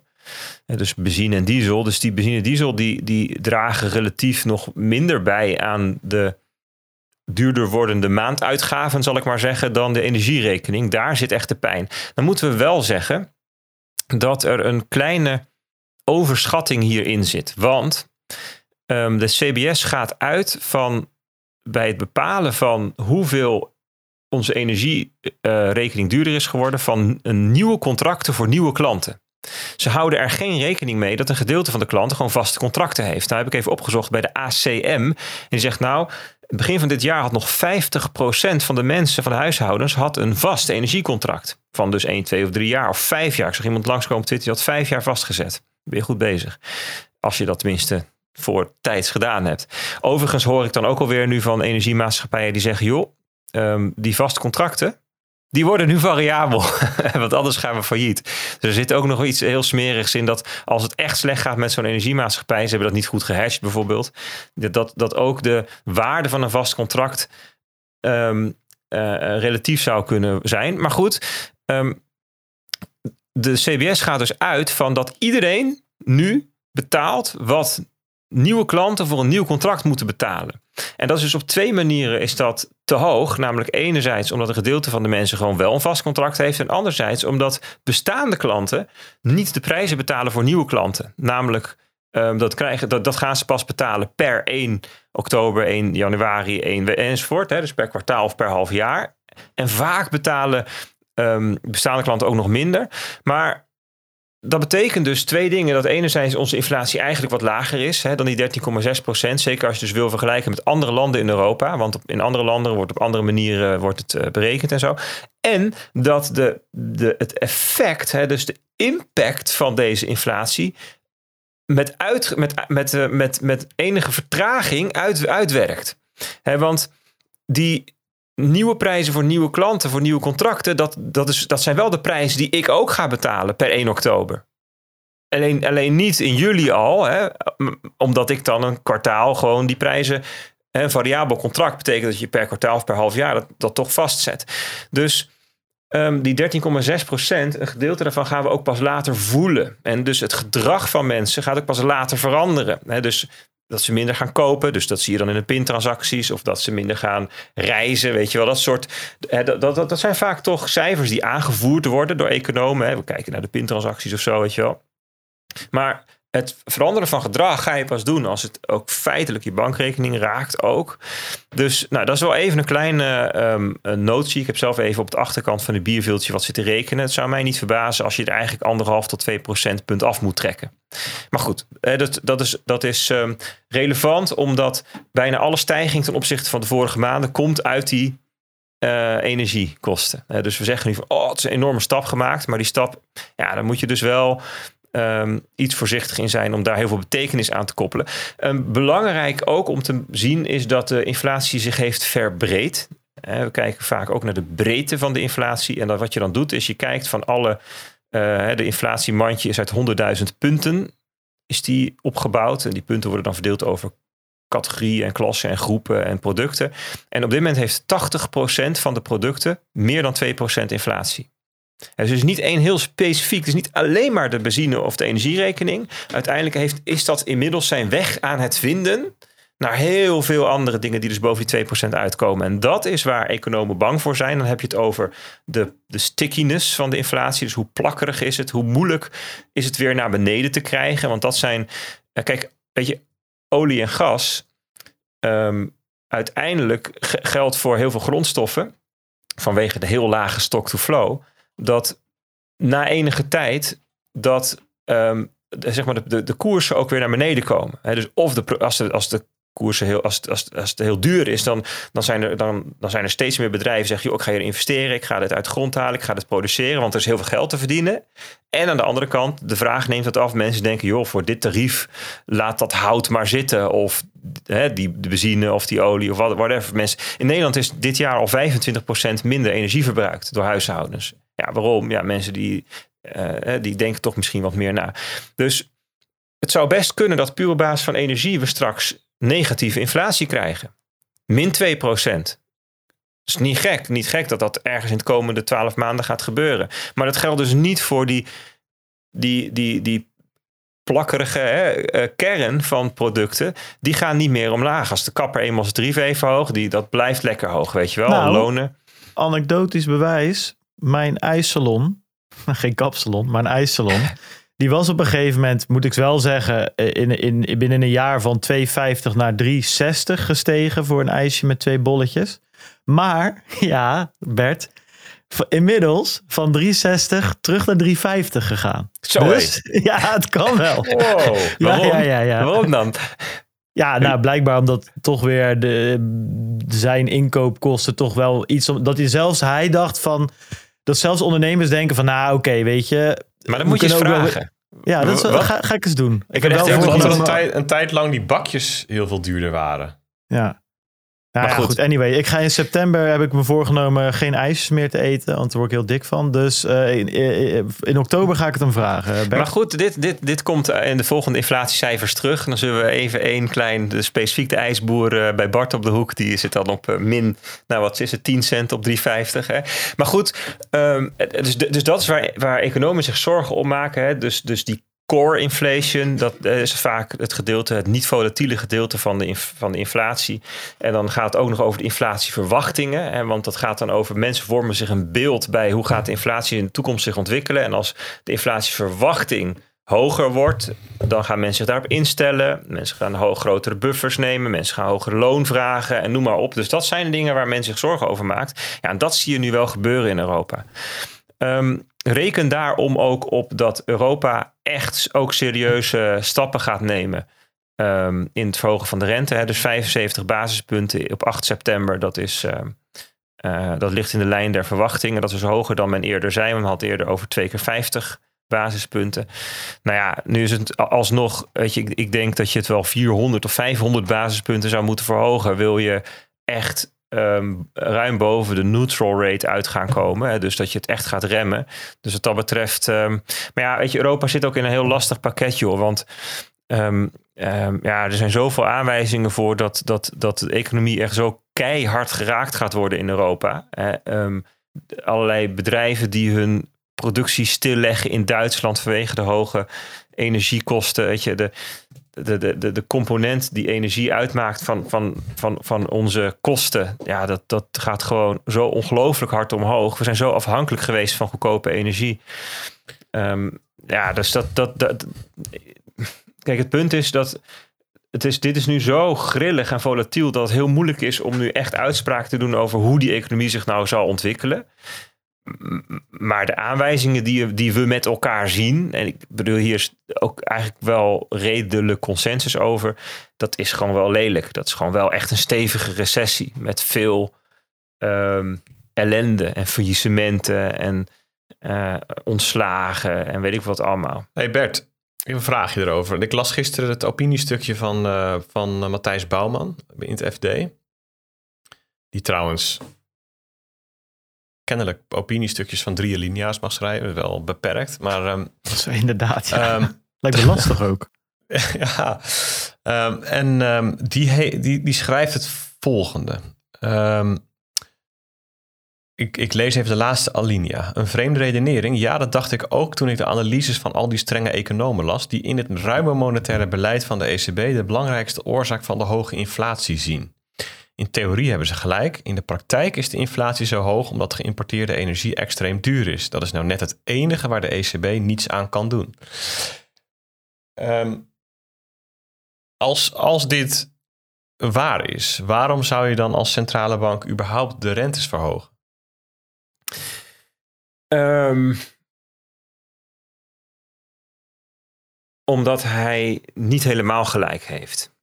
Kijk, de ECB kan niet de oorzaak wegnemen. Daar heeft hij gelijk in, dat bedoelt hij. Dat is misschien ook het nadeel van drie alinea's. Hè? Dat je toch echt moet beperken tot een ehm, soort van uh, Zoiets. iets te ver uitgeklede kern. Maar de essentie is natuurlijk... de, korter. Ja, precies. Hè? Dus de, ECB die kan geen olie en gas printen. Die kan niet zorgen, zorgen dat er meer olie en gas um, uh, uh, in, in omloop komt hè, of, of, of uit de grond komt. Hè. Dus dat, dat aspect kunnen ze niks doen. De aanbodzijde kunnen ze heel weinig aan doen. Wat ze wel kunnen is de vraagzijde omlaag brengen. Hè. Dus op het moment dat jij uh, de economie vertraagt, dan, dan, dan betekent dat ook dat er minder olie gas gebruikt wordt. En dat mensen minder gaan, uh, dat er minder transport is, uh, dat er minder geproduceerd wordt, dat mensen bezuinigen, dat je dat soort zaken. Um, dus, en, en het punt is wel dat um, het, de, zeg maar de, de, de, de, de, koers, de prijs van energie is heel gevoelig voor vraag en aanbod. Uh, dus met een hele kleine schommeling in vraag en aanbod gaat die koers best wel ver uit elkaar. Uh, dus dat zie je soms ook bij de OPEC. Hè, als die dan een vergadering hebben en die besluiten dan om meer of minder uit de grond te halen. Um, dat gaat dan om zoveel miljoen vaten per dag. Maar dat is dan maar best een klein gedeelte van het totale olieproductie in de wereld of zo. Weet je? En dat zag je ook bij corona. Hè? Dus de vraag ging omlaag. En ineens ging olie naar een negatieve koers hè, op de futuresmarkt. Omdat ja, er was gewoon geen opslag meer. Weet je, dat, dat is dan heel snel is dat dan vol. Er is een hele, een hele lage uh, stock to flow. Hè? Dus er is heel weinig voorraad ten opzichte van wat er um, geproduceerd wordt. Maar, maar dus, wat, vind je, wat vind jij dan van, van het gekozen beleid? Hè? Dus, dus het scenario is, um, er is een oorlog. En die oorlog draagt bij aan um, de levering van, uh, van gas onder andere. Um, de gasprijs stijgt daardoor en, en nog verder omdat allerlei landen, waaronder Europese landen, de, de, de, de de opslag, zeg maar de, de voorraden willen aanvullen om de winter door te komen. Ja. Um, en in principe zijn dat tijdelijke effecten die je terugziet in de inflatie. En als het waar is dat, hè, dat um, de inflatie zo hoog is omdat energie extreem duur is, waarom? Hè, en, en dat zou dus betekenen dat als, als de vraagkant ook weer afneemt. Bijvoorbeeld omdat de voorraden vol zijn of omdat de oorlog um, in een andere fase belandt. I don't know. Um, of omdat um, er politiek gezien gewoon andere vooruitzichten worden geschetst. Want een heel deel van, van die gasprijs is misschien ook speculatief. Ik zag dat afgelopen twee dagen de, de, de, de, de, de prijs voor een megawatt uitgedrukt in, in, in megawattuur ook weer gehalveerd was. Ja, is dat, is dat reëel of is dat vooral speculatie geweest? I don't know. Uh, de, ehm, hoe nuttig is het dan om, om renteverhogingen toe te passen, waarvan je eigenlijk uh, zelfs met de lage rente al, al, niet tot hoge inflatie kwam. Dus de, de, de, de relatie tussen de lage rente en het oplopen van, van de inflatie is al, al jaren achterwege. Um, om dan juist in deze situatie, waarin het dus al lastig is, de rente wel te gaan verhogen. In de wetenschap dat het allerlei nevenschade tot gevolg heeft. Op financiële markten, maar ook gewoon in de reële economie. Waar, hè, waarin. Um, want, want de effecten daarvan voel je in de portemonnee naast de inflatie. Waar je als centrale bank al relatief weinig aan kunt doen. Maar dat, ik schets nu even dat scenario ervan uitgaande. Hè, dus dat, um, um, dat de strekking van wat Matthijs Bouwman zei waar is. Was het dan niet veel beter geweest om die rente laag te houden en juist zowel de reële als de financiële economie te steunen in die tijden dat het zwaar is.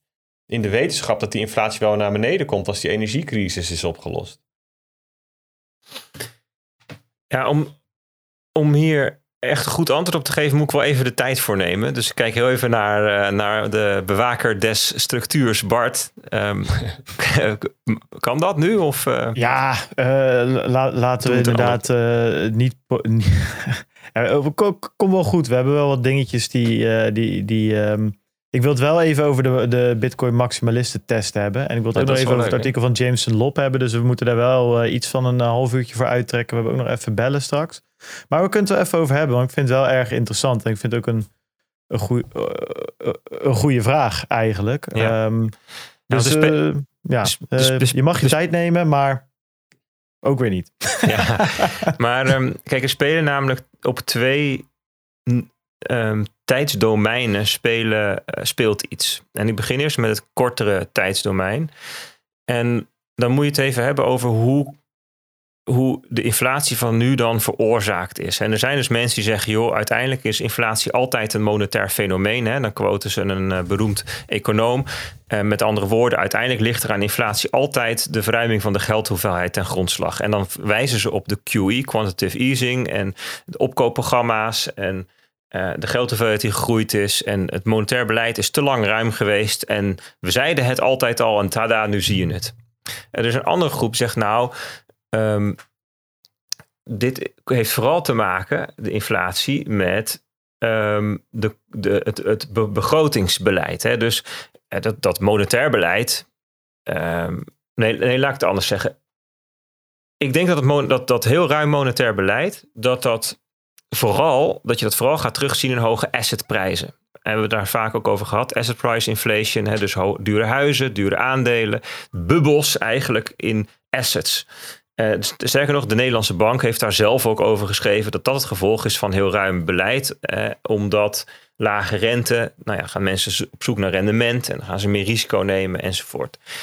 Um, maar dat heeft, ik bedoel, QE is er echt al heel erg lang. En dat heeft nooit geleid tot hoge consumentenprijsinflatie. Omdat daarvoor nodig is dat dat geld in de portemonnee van mensen terechtkomt, van huishoudens terechtkomt, die dat kunnen gaan besteden. En dat is met QE niet. QE is in essentie een asset swap. Een bank die heeft uh, obligaties en heeft daarna um, bankreserves. Ik bedoel, die kan die niet uitlenen of zo. Dus dat is eigenlijk alleen maar een verandering op de balans van zo'n financiële instelling. En nou ja, uiteindelijk wordt daardoor wel andere assets aangekocht, wellicht. Hè? En daardoor zie je die bubbels ontstaan, dat ze allemaal kunnen. En lage rente, dat zorgt ook echt wel voor dat de huizenprijzen stijgen. Dat is allemaal wel helder, maar het is niet dat mensen dan ineens heel veel geld in hun portemonnee hebben wat is er nou de afgelopen twee jaar gebeurd met corona? Dat eigenlijk voor het eerst wat de MMT'ers, de, de Modern Monetary Theory mensen heel graag wilden, dat er heel veel geld bij mensen in een portemonnee gestopt is. In de Verenigde Staten van die checks uitgestuurd,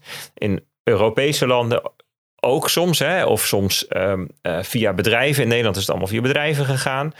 En um, en, en dat geld, hè, dat, dat, en, en, en, daar kwam ook bij dat tijdens corona hebben mensen gewoon geld niet kunnen uitgeven. Hè. Dus je, je had extra geld en je had opgespaard geld. En dat kwam eigenlijk ja, allemaal toch wel de markt op. In combinatie met, puntje drie, verstoringen in productie en logistiek. Te weinig aanbod. Weet je, nou, we hebben het er uitgebreid over gehad. Hè? Het Suezkanaal en de, de lumber en de weet ik wat allemaal. De chips tekorten en de, ja, de auto's. En verzint allemaal maar. We hebben het gehad over de fiets van mijn zoon die die ik uh, moest regelen omdat de leeftijd 14 maanden was en zo. Enzovoort, dat soort dingen. Dus um, en monetair beleid heeft misschien wat bijgedragen. En dat noemen ze dan wealth effects. Omdat mensen dan denken, die voelen zich rijk. Je hebt een heel duur huis. En sommige mensen die kunnen de overwaarde inderdaad daadwerkelijk plukken. Um, uh, je hebt je aandelenportefeuille stijgt in waarde. Dus je voelt je rijk. Dus zijn de wealth effects. Dat is dan één. Tweede wat erbij komt is het begrotingsbeleid van, van en rond corona. Dus stimuleringspakketten, geld bij de mensen in de portemonnee, helikoptermoney in bijvoorbeeld Hongkong of wat was Singapore, ik weet niet meer, even twee, en in Amerika. En, um, en um, de verstoringen in logistiek en transport. En alles bij elkaar zorgt dat voor dat die inflatie stijgt. Kun je dan zeggen, de centrale banken hebben er niets mee te maken? Nee, dat is te kort door de bocht. Want ze hebben er wel wat mee te maken. Ten eerste omdat ze die wealth effects natuurlijk hebben veroorzaakt. En ten tweede omdat ze met die gigantische steunopkoopprogramma's. Hè, we hebben het over de PEP gehad, de Pandemic eh, Emergency Purchasing Program. Waarmee in een enorm tempo staatsobligaties van uh, landen zijn opgekocht. Zodat ze enorme tekorten konden uh, draaien, uh, zodat ze dat geld bij de burger in de portemonnee konden stoppen. In Canada zag je gewoon, nou, de overheid die gaf 300 miljard aan staatsobligaties uit en poef, de centrale bank kocht toevallig 300 miljard aan staatsobligaties. Dat mogen we dan geen monetaire financiering noemen. Dus natuurlijk speelt monetair beleid en het gedrag van centrale banken een rol als faciliterend. Misschien een heel klein beetje veroorzakend. Um, spelen overheden een rol? Ja, denk ik ook. Hè. Dus ik denk dat dat ook wel uh, een conclusie mag zijn achteraf. Dat dat toch wel wat benzine op het vuur heeft gegooid. Is de hoofdoorzaak de verstoringen in productielogistiek? Ja, dat vind ik denk wel, uh, dat denk dat wel een te rechtvaardige conclusie is. En dat is wel de hoofdoorzaak. Um, vervolgens is dan de vraag van ja, uh, waarom zou je dan nu de rente verhogen? Daar los je toch niks mee op. Nou ja, dus wel een beetje, omdat je dan zorgt voor reverse wealth effects. mensen gaan zich armer voelen en dus hun gedrag aanpassen. Dat is eigenlijk de omkering van dat eerste, van het monetair beleid. Mensen heel rijk, zich rijk voelden. En je gaat laten bubbels een beetje leeglopen. De bubbel op de huizenmarkt, de bubbel op de aandelenmarkt, op de cryptomarkt.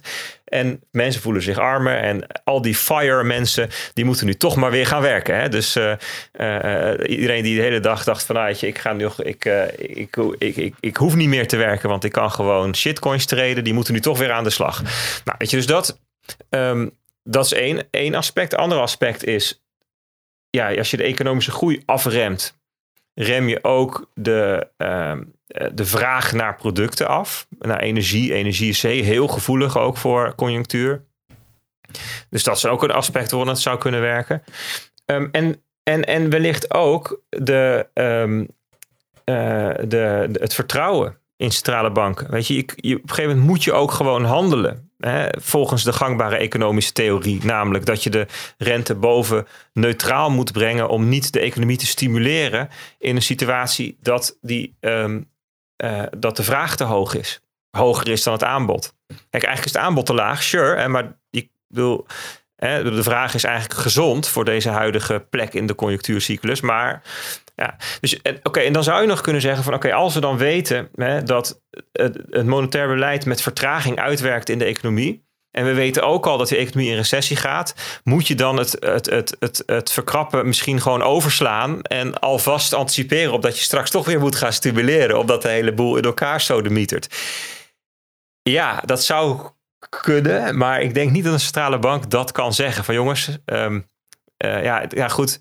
Ja, maar, zelfs... maar over, de, over de schade die het verhogen van de rente met zich meebrengt, hoor ik weinig. Is, is die nou, dat is toch niet waar? Dat zeggen ze toch allemaal? Dat het allemaal tijden van uh, collectieve uh, rampspoed worden en dat we allemaal in moeten leveren. En ik heb, we hebben zat filmpjes langs zien komen van centrale bankiers die, die zeggen dat het zware tijden worden en dat het goed is dat, er, dat we even een pas op de plaats doen om die inflatie te gaan beteugelen. Ja, en, en inflatie beteugelen betekent dus, eh, zij zien dus toch, ook al is het voor, voor de situatie een, um, een slecht instrument, maar we hebben geen betere instrumenten. Ja, wat ze dus toch doen, is de vraag omlaag timmeren met een grote moker om in de buurt te komen van het te lage aanbodsniveau. Van het onplezierig lage aanbodniveau. Ja, natuurlijk zou het een veel fijnere oplossing zijn als je de aanbodzijde gewoon kunt fixen. Dat je gewoon kunt zeggen: jongens, laat die kerncentrales open. Jongens, laten we die uh, sancties op een andere manier vormgeven. Uh, laten we toch hier en daar aardgas, weet ik veel. Weet je, tuurlijk, het zou mooi zijn, maar ja, dat men ziet daar blijkbaar niet de kans toe. En, en dan is het enige wat je nog, instrument wat je nog hebt, is um, de vraagzijde slopen. Want het is nog veel duurder als je runaway inflation hebt. Dus als die inflatie ja, dat, van dat... 13 naar 20, naar 40, naar 80 procent gaat. De euro crasht, de Europese Unie uit elkaar valt, enzovoort. Ik bedoel, dat, dat scenario woorden, is... is... Ja, oké, okay, maar daarvan weten we ook dat met het verhogen van de rente... dat dat scenario niet per se van tafel is. Want het, dat heeft beperkt invloed op de inflatie. Want het is een aanbodprobleem. Maar het heeft wel, beper het heeft wel invloed op de inflatie. Want het is, eh, eh, iets is nooit alleen een aanbodprobleem. Het is altijd stijgende prijzen. Is, het, is een mismatch tussen vraag en aanbod. En, het- en, en- en de oorzaak kan, daarvan kan zijn dat het aanbod is gedaald. Maar de oplossing kan zijn dat je de vraag laat dalen. Ja. Ja, eh, tegen welke kosten? Nou, tegen.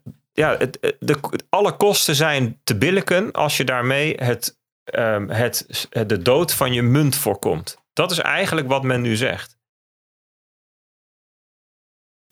Ja, maar ja, weet je, als, het is allemaal leuk en aardig, maar als, al, als alle Europese economieën zeg maar, op het randje of, of de afgrond in donderen, heb je ook niet zoveel aan je, aan je munt die nog...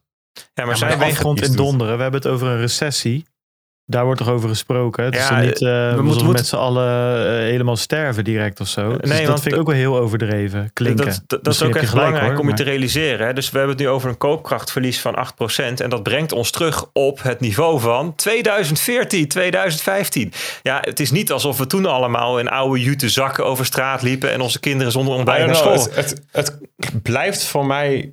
ehm, ik, ik hou er een bijsmaak aan over van onlogica. Het is een soort van voor de buren eh, om, die, om die rente te verhogen, omdat het omhoog gaan en omlaag gaan van de rente zo eh, ehm, een aantal zo ver af ligt van die, van die rentebeslissing of van de invloedssfeer van de centrale bank. Het klinkt een beetje als, als een systeemprobleem. Zeg maar de Mhm. politiek eh, of de maatschappij, zeg maar, die, die heeft, heeft, is kennelijk niet in staat om, om dit probleem op te lossen. Terwijl daar wel de, de betere instrumenten liggen dan de centrale bank tot zijn beschikking heeft. En dus moet de centrale bank maar gaan reageren met het verhogen van de rente. Want ja, we gaan met z'n allen naar de centrale bank kijken, want de inflatie is zo hoog. Ja, de- M- Maar de oplossing in het fiscale domein is ook, een, ook niet een oplossing voor nu. Dat is een oplossing voor de komende vijf tot tien jaar. Want dat heeft ermee te maken dat je kerncentrales moet gaan bouwen en dat je je energieinfrastructuur moet gaan verbeteren. Nee, maar goed, je zou als maar- politiek wel kunnen zeggen van jongens, de inflatie is hoog. Eh, Dat heeft vooral te maken met de energiecomponent. Dus hou er rekening mee dat het een koude winter wordt. Koop extra truien. Eh, wij gaan ons best doen om de, om de gasvoorraad te vullen. We gaan vooral kijken naar de toekomst, hoe we minder afhankelijk kunnen worden van, van Rusland. Dat was eigenlijk een heel slecht idee om van één gasleiding afhankelijk te zijn als heel Europa. Dus we gaan hier en hier en hier op inzetten. Waardoor speculanten op de gasmarkt minder reden hebben om die. Weet je, die- Maar Peter, ik know. lees die verhalen wel hoor. Dat Die is toch ook wel wat er gezegd wordt? Maar het Ja, is, weet ik het is, Zeker, ja, we hebben als nou, Europa ja, met elkaar afgesproken dat we 20% gaan besparen bijvoorbeeld om eh, en, en, en de, de nieuwe LNG-terminal in Groningen is eh, deze week in gebruik genomen. En er wordt natuurlijk allerlei dingen Die gedaan. om- gasvoorraden, die worden, dat wordt gepubliceerd, hoe vol ze zitten. Ik, de- ik lees er de best wel... gasvoorraden wel, maar ik, ik heb nog weinig eh, reflecties op hoe zijn we hier gekomen gelezen. En ook weinig vooruitzicht waarvan ik denk, nou, Nou, nu misschien- men het wel begrepen. Ja, maar kijk, het klinkt een beetje. eh, Dat wil, ik wil niet. Ik ben het eigenlijk helemaal met je eens op heel veel onderdelen. En ook met Bert hoor. Want ik Ja, denk ik, dat ben, Bert. ik, ik ben overigens nog niet klaar, hè? even voor de goede orde. Nee, nou ja, ik denk dat jouw eh, toevoeging ook goed is. Ik bedoel, we hebben het eh, toen we met die potten pindakaas op tv zaten. Toen hadden we het er ook al. En toen was het CPI onder de 2%. Maar toen hadden we het wel over asset inflation en dat soort dingen. En dat rente daar inderdaad zat invloed op heeft. En dat de CPI eigenlijk niet helemaal juist is. En nu is die CPI enorm hoog. Dat betekent niet opeens dat die nu wel juist is. Die asset inflation die hangt er nog steeds onder. En dat is niet opeens een groter onderdeel geworden van de CPI. Of ze hebben dat systeem niet opeens gefixt. En daar, zoals Bert zegt, heeft die rente denk ik wel eh, in- invloed op. Kijk, ten kijk- tweede, ja, maar wacht, wacht even. Ten tweede denk ik dat. ehm, ik ben het wel met je eens, Peet, dat met. Ja, ik, ik ben nou niet echt onder de indruk van hoe eh, eh, onze regering hier in de afgelopen jaren eh, en nu ook mee omgaat en over communiceert. Ik bedoel, daar, daar is zat over te zeggen en dat is voor mij niet echt positief. Nou denk ik wel dat ik, ik lees daaromheen ook vanuit, denk gewoon vanuit de bedrijven, vanuit ondernemers, vanuit de industrie. Ja, lees ik wel zat. ehm, eh, en ook in, in kranten, magazines die erover schrijven, websites, Bloomberg, noem de hele mikmak maar op. Ja, daar lees ik zat artikelen die de, die de spijker redelijk op, op zijn kop slaan. En dan lees je toch ook wel dat er ja, op zich eh, eh, van alles gebeurt. Die voor mij ook een beetje, want ik, dat zei ik vorige week al, dat ik een beetje. ehm, te neergesla met te neergeslagen voel door al die inderdaad die, die, die gasprijzen van weet ik het hoeveel duizend euro die dan later weer opeens voor door de helft gaan en whatever. Dus ik heb ook wat dingen gezien deze week waarvan ik weer dacht van ja, goed, dat geeft het misschien een silver lining. Ten eerste dat Duitsland toch wel enigszins wakker lijkt te zijn door, dat, door, door en die energieprijzen en die, uh, die oorlog uh, met Rusland en, en, en dat soort dingen. Tuurlijk, ze hebben nog steeds dat gedoe met die kerncentrales. Maar qua defensie en qua weer een beetje op onze eigen benen staan als Europa, lijken ze toch wel, wel wakker. Ik zie deze week uh, dat er voor het eerst een, uh, een 15 megawatt uh, windmolen van de, van de, ja, nou ja, niet van de lopende band is afgerold, maar uit een of andere loods in Denemarken is gereden. Ja, weet je, dat zijn windmolens, die, daar hoef je er één van neer te zetten. Dan heb je voor 20.000 huishoudens aan stroom. Weet je, er zijn in Duitsland ook um, allemaal plannen aan de gang om van het Roergebied daar toch enigszins om te schakelen van kolen en een voorloper te worden uh, voor waterstofproductie uh, en opslag. Ja, weet je, dat is voor mij dan de silver lining aan dit hele verhaal. Dat we het inderdaad best wel een rotzooi hebben laten worden in, in Europa qua energie. Maar hopelijk heeft dat zo'n schop gegeven nu dat we nu weer wat kunnen versnellen. Um, maar ja, goed, dat is misschien niet helemaal een antwoord op je vraag. Maar nog wel ook nog wel iets wat ik zelf wilde toevoegen. Is dat er toch wel ook wel dingen gebeuren waarvan ik denk van ja, wie weet kunnen we nu dan eindelijk uh, vooruit en wel zelfvoorzienend worden um, ja. met, met z'n allen. Maar goed.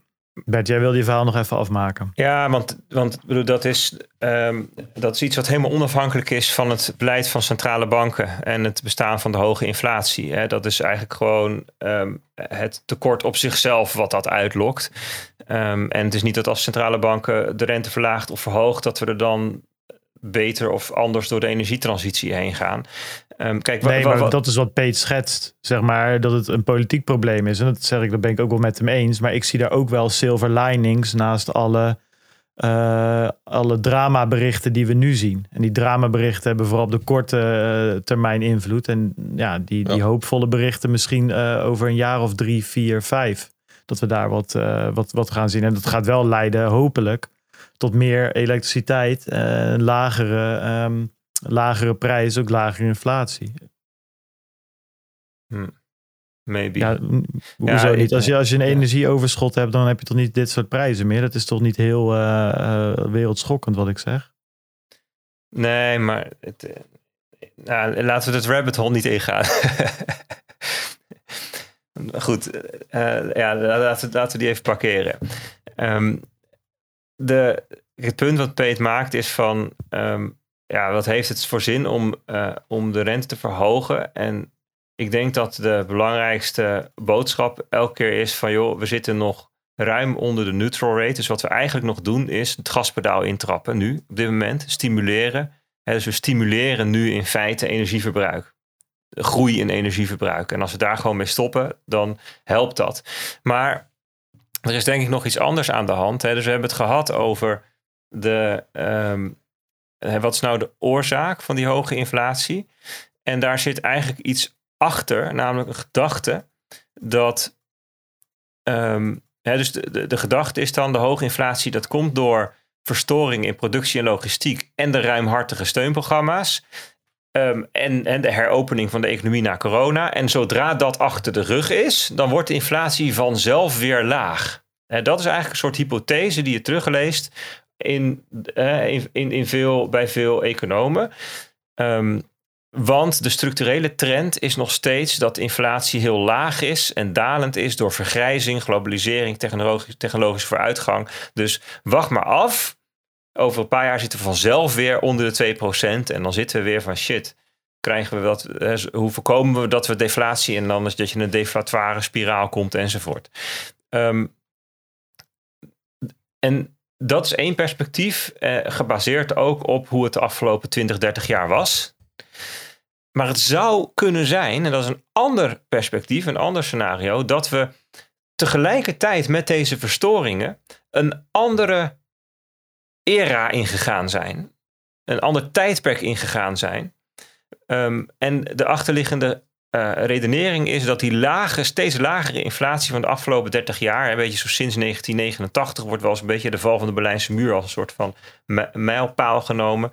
Dat dat dat kwam door de goedkope energie die Europa uit Rusland haalde bijvoorbeeld. En de goedkope productie die we uit China haalden. En de goedkope arbeidskrachten uit Azië enzovoort.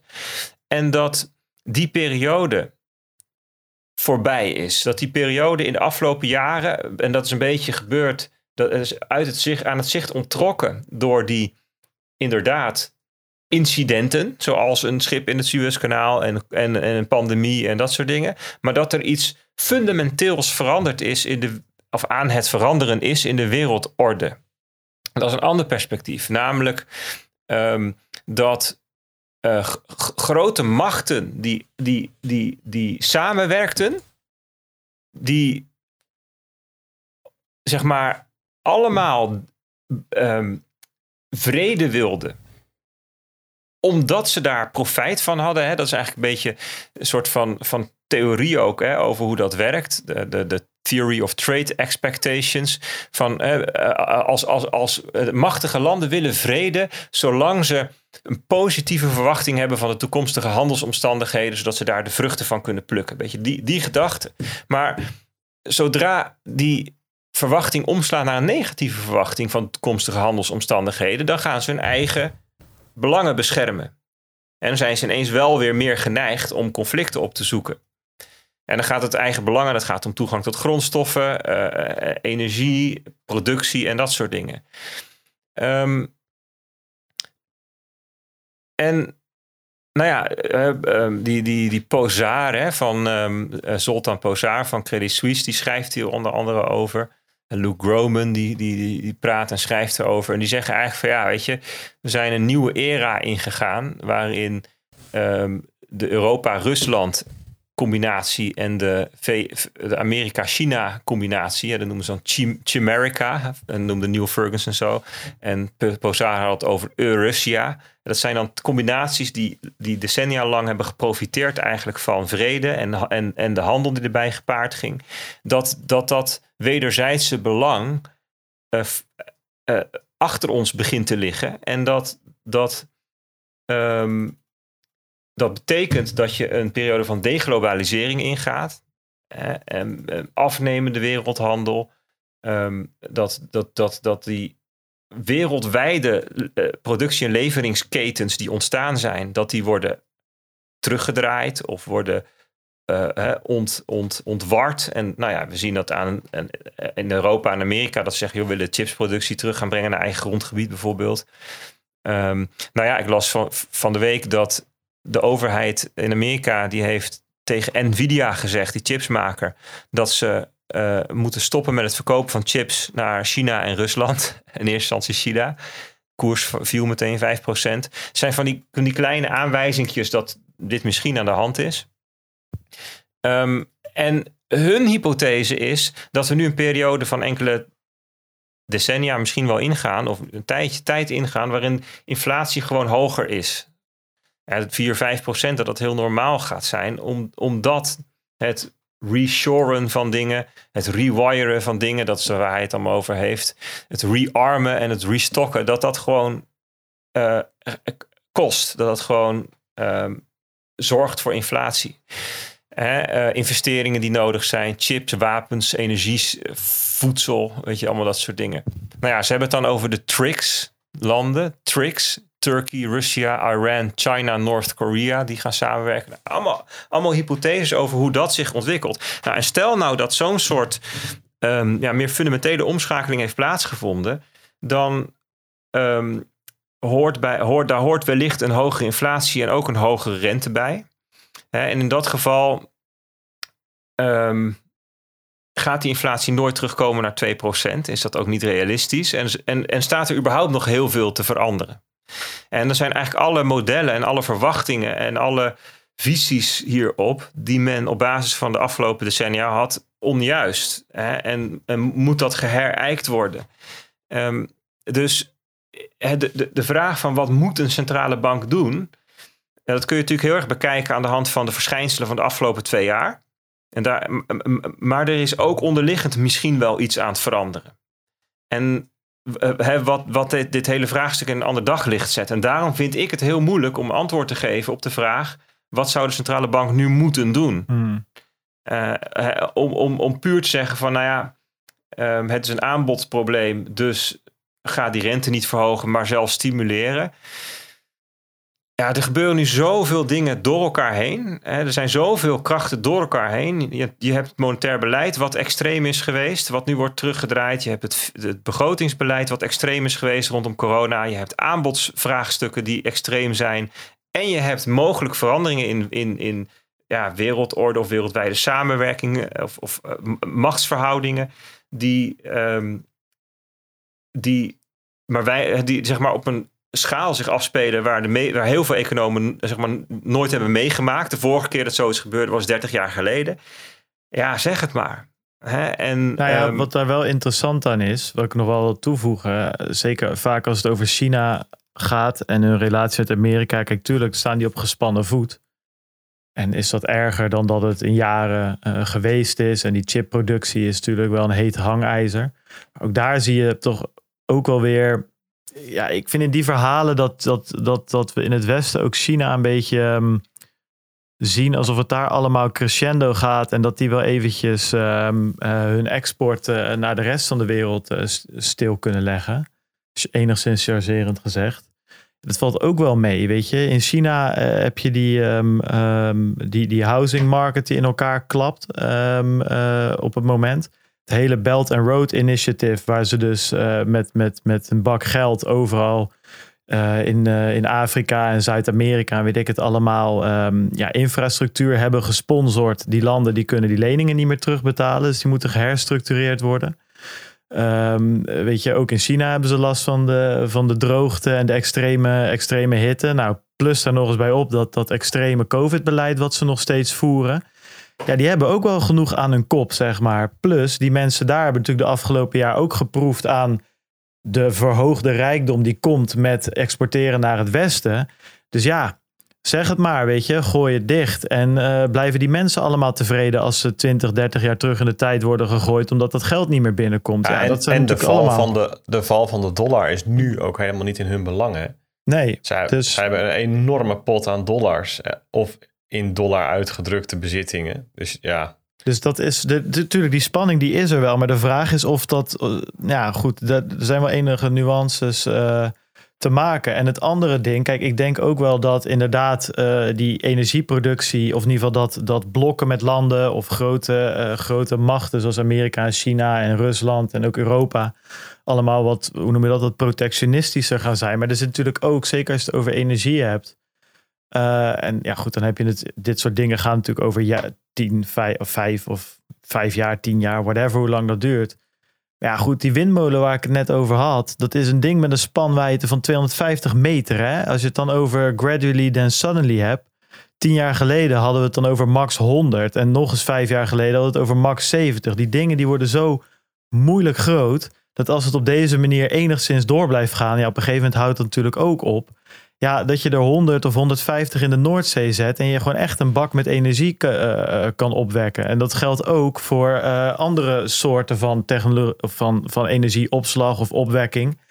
Um, dus de, ook de vraag is maar van, ja, is energie en de afhankelijkheid van een Rusland, is dat over tien jaar door de technologische vooruitgang überhaupt natuurlijk nog een punt? Hè? Dat is denk ik ook iets wat belangrijk is om daar uh, om daar mee te nemen. Ja, goed. Het is in ieder geval uh, heel erg interessant. En um, um, ja, hoe dat zich uit gaat spelen, dat weten we niet. Maar er zijn ook daar. Ik stoor me er soms een beetje aan um, in. in, in ja, niet in dat soort verhalen, maar wel in dat soort theorieën. Ook met Rusland. Ja, weet je, die zitten natuurlijk nog wel gewoon in een oorlog. plus dat die veel van die sancties, die gaan, daar zit ook een soort van vertraging in. En die gaan over een jaar of twee jaar pas echt schade aanrichten daar. En dat wordt ook niet fijn voor die, voor die mensen. Dus het is niet alsof Poetin zijn gasgeld loopt te tellen en iedereen in Rusland staat te juichen op straat. En hetzelfde geldt voor China. Dus ja, goed, dat vind ik nog wel een beetje. Het is niet alsof ze daar alle zaakjes wel op orde hebben. En ik denk dat het een hele interessante machtsstrijd gaat worden. Maar uiteindelijk zijn zij ook gewoon uh, afhankelijk van het Westen op een bepaalde manier. Ja, ja dat, dat is overigens even voor de goede. Dat is niet wat ik zei ook, hè, dat het daar goed gaat en hier slecht. De, zeg maar, de theorie van die, die, die, die stroming is zeg maar dat um, het is een soort game of chicken of soort prisoners dilemma. Hè, van, dus in, in tijden van voorspoed, dan, dan alle partijen die zien het belang van vrede en vrije handel. Tot de partijen dat niet meer zien. En dat, dat heeft dat, dan, dan gaan, hebben ze allebei ook schade van. Dus Rusland heeft daar ook schade van en China ook. En China komt aan het einde van zijn groeipotentieel basis van zijn mensen. Dat zie je ook, die curve vlakt af. Dus die, iedereen zit eigenlijk met een veranderende werkelijkheid. En, en daardoor um, um, wordt het, zeg maar, de... Um, de hoeveelheid zin in oorlog, hoe zeg je dat? De, de bereidheid om, om, om die vrede te verbreken. En dat kan economisch uh, zijn, of handel, of uh, militair, of uh, sancties, of whatever. Hè? Maar die, die bereidheid die wordt groter van beide kanten. En daar hebben we ook beide last van. Ja, want je gaat, bedoel, dat is gewoon duurder. Want je moet, waar je eerst op één plek alles maakt, dan moet je dat nu op twee of drie of vier plekken gaan doen. Dus, dus voor iedereen is dat natuurlijk een stapje terug. Maar het is beter dan helemaal overlopen worden door de ander. Weet je, dat is een beetje de speltheorie van die geopolitiek. Dat is dan het beeld wat dan geschetst wordt door, door hen. Ja. Dus helemaal mee eens dat dat aan beide kanten natuurlijk voor, uh, voor, voor ellende zorgt. Dus het, het, het, het wederzijds sancties opleggen, dat is een voorbeeld van het doorbreken van die vrede en die vrije handel en zo. Ja.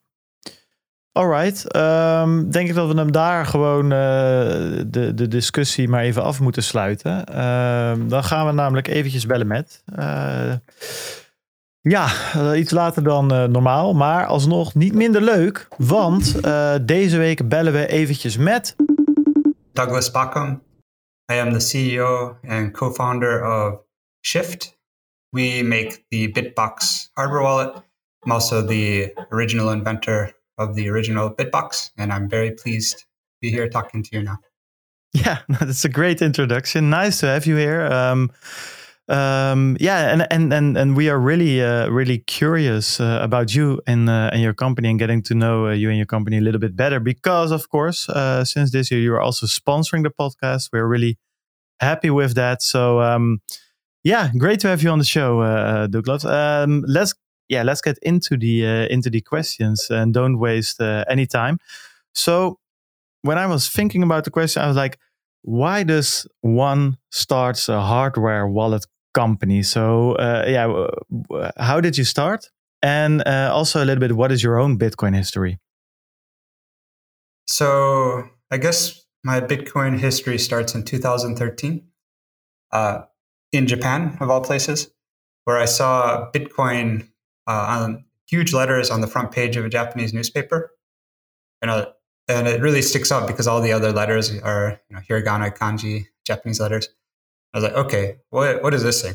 So I researched a little bit and I thought, it's just monopoly money. Why, why are you putting this on a front page of newspaper? Who cares? Researched a little bit more and then um, started kind of seeing some special things about it. Uh, I, I, have a scientific background. Uh, and so the thing that really caught my attention with Bitcoin was it solved uh, what I understood was an unsolved problem in computer science, which was how do you, it's called the Byzantine generals problem, but it's basically how can you send money, uh, for example, across the internet, uh, and someone can trust that. And they can trust that you're not sending the same money to someone else. And this problem was solved. And I was like, okay, whatever it is, if it's monopoly money or not, this is something really important. This could be really special. So I started getting into it more and more and more. Um, decided to buy some. And uh, also having like an academic scientific background, engineering background, um, I had some understanding about the security risks. And so it really took me about two weeks before I felt comfortable holding it. And so, you know, to, to not have to worry about um, hackers and, and so on trying to, or malware uh, stealing Bitcoin. Um, and that is too long for uh, anyone uh, to get involved. And this was yeah 2013, uh, 2014. At that time, um, the concept of a hardware wallet uh, was coming around, and so a hardware wallet I think is pretty much considered the safest way to hold coins uh, these days. Um, but the idea was there, but nothing really existed yet. Um, and also at the time, there was a lot of, I guess, with with anything that's powerful, there's always scams and hacks going on. And way back then, there are also scams and hacks, but at that time, it was more in the hardware industry. Uh, and so, mining equipment, for example, there'd be pre-sales. You give them money, and then the mining equipment just never shows up. And I had no idea if hardware wallets would ever come about, so I just decided to make my own. Yeah, so let's let's uh, so that's around 2014, right? Um, yeah, yeah, yeah. So let's let's flash for, uh, flash forward eight years in time. Uh, we, we, we can do that now. That's uh, that's that's great. So from 2014 to 2022, um, yeah. If you look back uh, about uh, the the first days until until until now, like what is the most difficult thing uh, when you're designing or producing a hardware wallet so if you look back like what is the most yeah maybe also the most surprising thing in in in a sense uh, but i think there there there are a couple things that that come to mind that you didn't expect when you started in 2014 yeah so i think um, you know a lot of people expect me to answer this by saying yeah, making hardware wallet itself but to me, that wasn't really the biggest challenge because, like with software or hardware, uh, you know it can work. You just have to figure out how. So it just takes takes some time. Um, and making a prototype even is pretty quick. And so what's really challenging is making it professional, uh, and you know making sure that everything works. Uh, uh there's no bugs, uh, nothing like that both in the software but also in the hardware itself. And so the manufacturing process, there's a lot of iterations you deal with with manufacturers until you get something that really can be uh, high quality and scalable in production. But um, interestingly, probably the the biggest challenges for me personally were things like picking a name for both the company and the device. That gave me a lot of sleepless nights because there's no right answer, right? And um, interestingly enough, probably the thing that took us the most time uh, to get done was actually the cardboard packaging uh, around yeah. the device. Um, interestingly enough. Okay, and um, if maybe we can take that question uh, um, a little bit further. So, uh, like, yeah, so for me self custody is like an endless road basically and uh, you don't uh, know that when you when you set your first steps on that road and you think okay when, when once i get the hang of a hardware wallet then maybe multi multi sig but after that i'm done and then once you have a multi sig setup you're like okay there are all kinds of security uh, holes and attack vectors still wide open and I, I can probably never close them all mm. so uh, and and that is for the expert users, right? So uh, there, there is some Dunning Kruger effect going on here with with new users that that think they are completely safe with uh, when, when, they buy a hardware wallet, which is true in a sense, but also completely not true in in, in another sense. So what I think is, uh, I think we we we, we can uh, fit two questions in. So the first one is like, what is in your uh, eyes the the most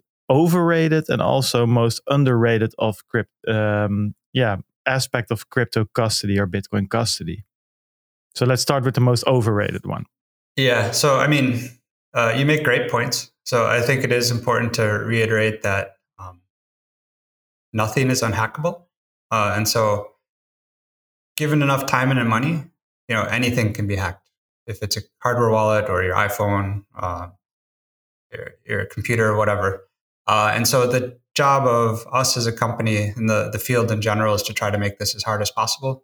Uh, hard means try to make it cost too much money for an attacker to yeah. Do something or too much time to, to be worth their effort.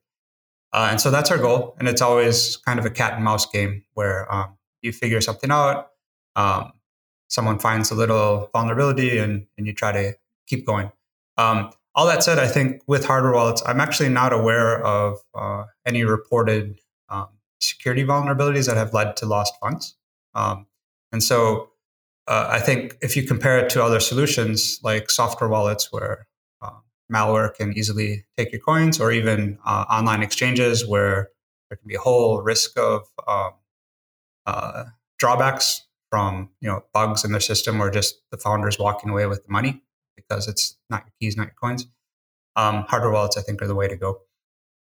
Um, and so, where we see, um, uh, I guess, the biggest the biggest issues are what we see as more psychological, uh, yeah. in the sense of um, people thinking, oh, Bitcoin, hard, difficult, hardware wallets. Oh, hard is in the word, even. It's Yeah. super hard. Um, but our other goal is to try to make this as easy as possible. And I, I think we're doing a pretty good job. We get really good feedback. And so, um, So, do you have some some examples of the feedback that you the, uh, that that you have got the last years, and maybe also a couple of things that you changed according to to the, to the feedback? Maybe also things that you were like, oh, this is so, this speaks for itself. This is so simple, everyone should know it. And then maybe a lot of people were like, "Hmm, no, I don't, I don't know, maybe it should change.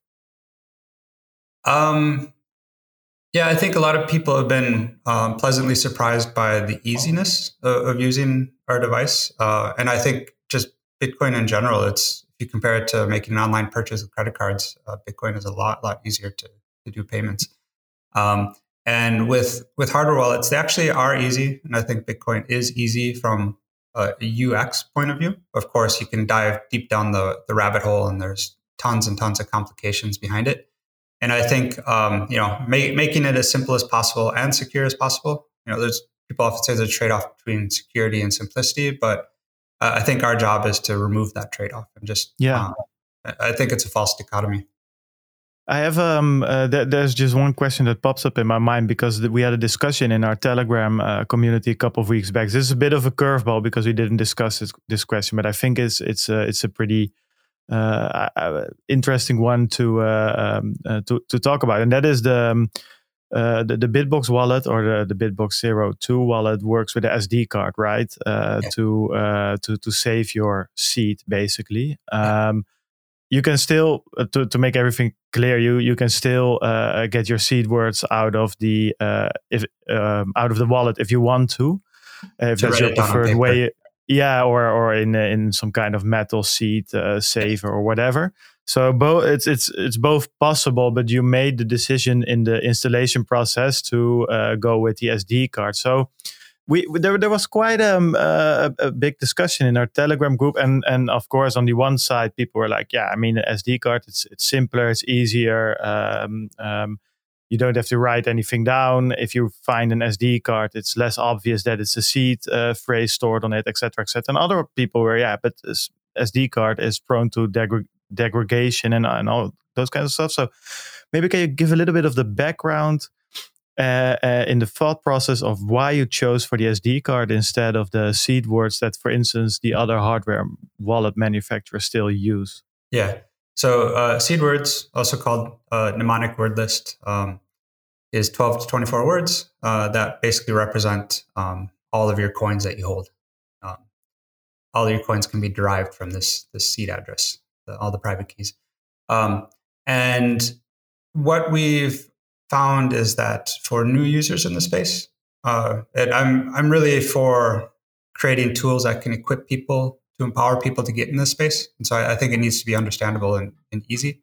And what we see is with what we call mnemonic. Um, uh, Yeah, they're, the- they're yeah, basically yeah. scared of typing the mnemonic word list. And so this process, you have to write down every word. Uh, and if you're on a hardware wallet, you have to kind of scroll or push buttons to get through it. It can take 20 to 30 minutes. It's a really stressful procedure. People don't understand why they're doing it. They don't understand what the risks are. Um, and so we really wanted to avoid that whole step. And so during setup of a Bitbox, it takes you know a, a few minutes, whereas Yeah. the setup of uh, a different hardware wallet is going to take you 20 to 30 minutes. And we think the concept of a backup is a lot easier for people to understand. Um, and so really, really for those reasons, as far as um, long-term storage of SD cards, we actually did uh, reach out to the manufacturer. And I think if you use um, the name brand manufacturers where qual- Yeah. they care about quality, de- definitely avoid um, off-market, off off-label uh, SD cards because they're usually not good. Um, but the name brand cards w- will last. And so uh, when you hear of SD cards failing, it's oftentimes like if you have a card in your camera or doing uh, video where there's a lot of read writes. all the yeah, exactly. happening.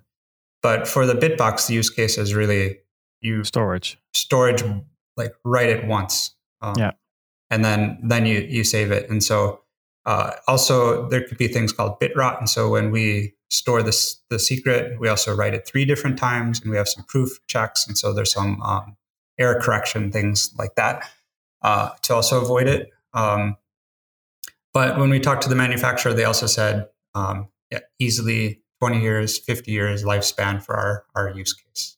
Yeah. Um, and so I think that that's could be compatible to um, lifespan of paper, depending on which type of paper you use. Um, uh, ink, Yeah. You need to be careful about what type of ink you use. You need to use archival paper if you really want it to store store long. Which we also sell um, uh, these types of accessories. Uh, also, um, Yeah, no, I, I, I mean, I understand the, uh, um, uh, the, the different arguments on, on, uh, on both sides, and like uh, you're completely right. When I installed or set up the Bitbox wallet, it was two two minutes or something.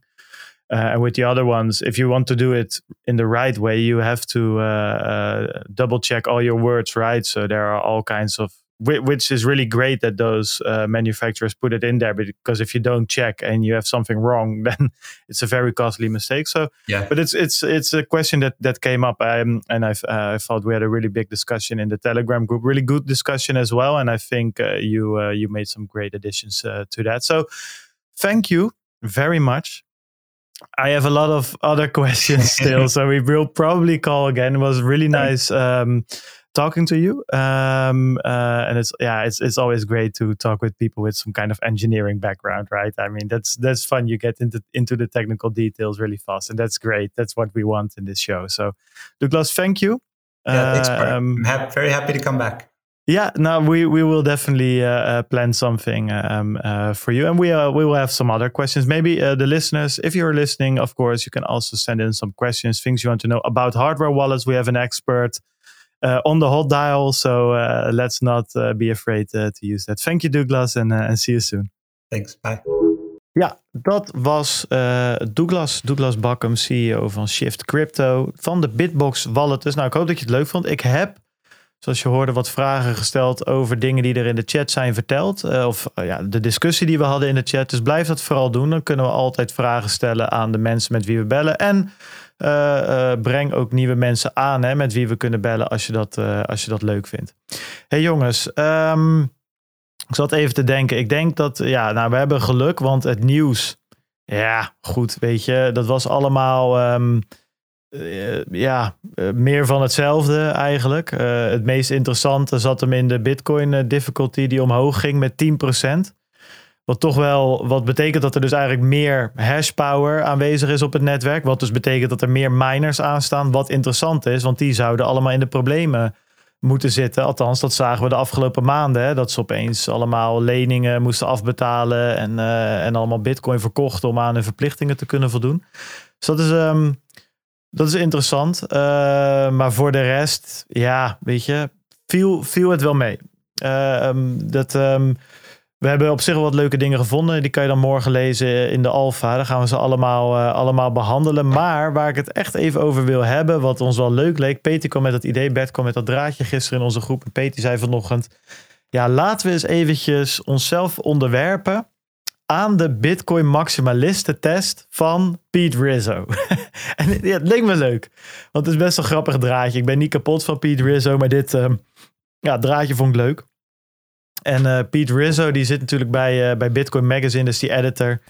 Hij schrijft ook voor Forbes. En daar stond dit artikel dus in. En dat is, daarom is denk ik waarom het zo eh, ja, e- e- enigszins een wat zachter artikel was. Hè? Zei ook al van, nou, het valt me alleszins mee hoe, hoe hard hij daarin is. Ehm, en hij doet natuurlijk ook nog wat bij Kraken trouwens. Nou, anyways, de meeste mensen zullen hem wel kennen. Ehm, laten, we, laten we dan gewoon eens gaan kijken naar het draadje. Laten we maar gewoon die dingen eventjes aflopen, denk ik, jongens. Om, eh, om, eens, eh, om eens te kijken hoe.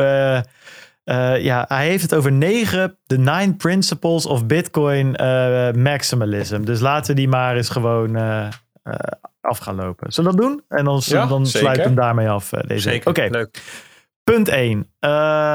Pete Rizzo zegt hier: A commitment to safeguarding Bitcoin for future generations. En dan heeft hij het dus over. Bitcoin maximalists believe that Bitcoin is the lone global digital alternative to state managed economies uh, that by virtue of its design can withstand both government attack and centralization over time and thus is alone amongst monetary systems has the opportunity to offer a truly neutral money in perpetuity. They therefore, above all, seek to preserve the future use of, a, of such a system by humanity. Ja, en D is dan de maximalisten, hè? Dat is ja, dan. Ja, ja, ja, ja, ja. ja. zijn we het hier uh, mee eens? Of, of, of, nou ja, het is meer eigenlijk. Uh, hè, voeren we de, brengen we deze waarden in praktijk bijna? Dat is een beetje wat die. Uh... Nou, het gaat ook over. Het is ook een soort van. Um, uh, geloofsbeleidenis. Hè? Zoals je dat in, de, in, in sommige geloven ook moet doen. Voordat je dan uh, een, een echt uh, toegelaten wordt tot de religie, moet je een aantal geloftes afleggen. Ik, ik geloof dit en ik geloof dat. Nou, daar begint het mee. Hè? Dus Bitcoin-maximalisten geloven dat Bitcoin enzovoort. Geloven wij dat ook echt? Vinden wij, vinden wij dat ook echt? Ja. ja, en vinden wij dat ook echt, Bert? In dit geval. Ik ben dus niet zo'n persoon van de absoluutheden. En dat maakt. Uh, ja, dat gaan we nu dus wel doen. Hè? Ja, dat maakt dit, uh, soort, dit soort teksten. Ik krijg er altijd een beetje jeuk van. Maar ik geloof wel dat dat nu. Uh, het enige digitale alternatief is dat uit kan groeien tot echt neutraal geld. Ja, dat wel. Dus ik zit wel dicht tegen, die, tegen, die, um, tegen dat statement aan. Maar, maar een heel deel van, uh, van wat er staat moet zich nog wel bewijzen. Er staat ook wel vaak over time, hè, maar ja, ik, ik, ik ben dus niet zo'n. Uh, ben dus niet iemand die zou zeggen dat dat een soort van zelfsprekendheid is. Dat niet. Nee. Ik vind ook, ik vind, waar, ik een beetje op aansla in dit stuk is dat het weer gaat over de Lone Global Digital Alternative. En dan vraag ik me af, bedoelt hij nou dat dit zeg maar, dat Bitcoin het, het enige is wat er op een gegeven moment bestaat? Hè? Of dat het het enige alternatief is uh, op, op staatsgeld. Dus dat de euro of de dollar of whatever, de yen blijft bestaan. En dan Bitcoin is het neutrale alternatief. Ja, daar kan ik me wel in vinden. Daar heb ik ook wel zoiets van: oké, daar heeft het nut. Hè? We hebben het vaak over een anker gehad of over optionaliteit. Ja, dat, dat wel. Uh, ik zou het moeilijker vinden, zeg maar, als zeg maar, het het enige geld is. Daar heb ik eigenlijk ook minder vertrouwen in. Ik vind het juist mooi als een, een, een, een neutraal alternatief, wat er dus naast leeft. Um, dus ik denk, uh, ik denk dat hij het ook zo bedoelt. Ik, ik denk ja, dat ik me hier wel in uh, kan vinden. Als je hem zo interpreteert, dan als jullie zeggen, dan ben ik het er ook mee eens. Okay. En dus als je gaat kijken naar um, welk geld zou de potentie hebben om een alternatief te kunnen vormen op, ja, dan, uh, dan zie ik eigenlijk niet veel anders dan Bitcoin. Ja. Ik, dan moet je echt wel uh, in hele fictieve scenario's terecht gaan ja. komen. Oké, okay, twee. Want anders ja. zijn we in dit tempo ja, morgen zie, nog bezig. Ik zie Bart even typen in documentjes. Denk ja, ik, de precies, tijd Bart even op. Eventjes, het is toch leuk om te kijken wie straks nou de grootste maximalist blijft, blijkt. Zeker als we ooit nog eens terugkijken. Oké, okay, ja, hier gaat hij jongens. Uh, Oké, okay. a commitment to running uh, the Bitcoin software.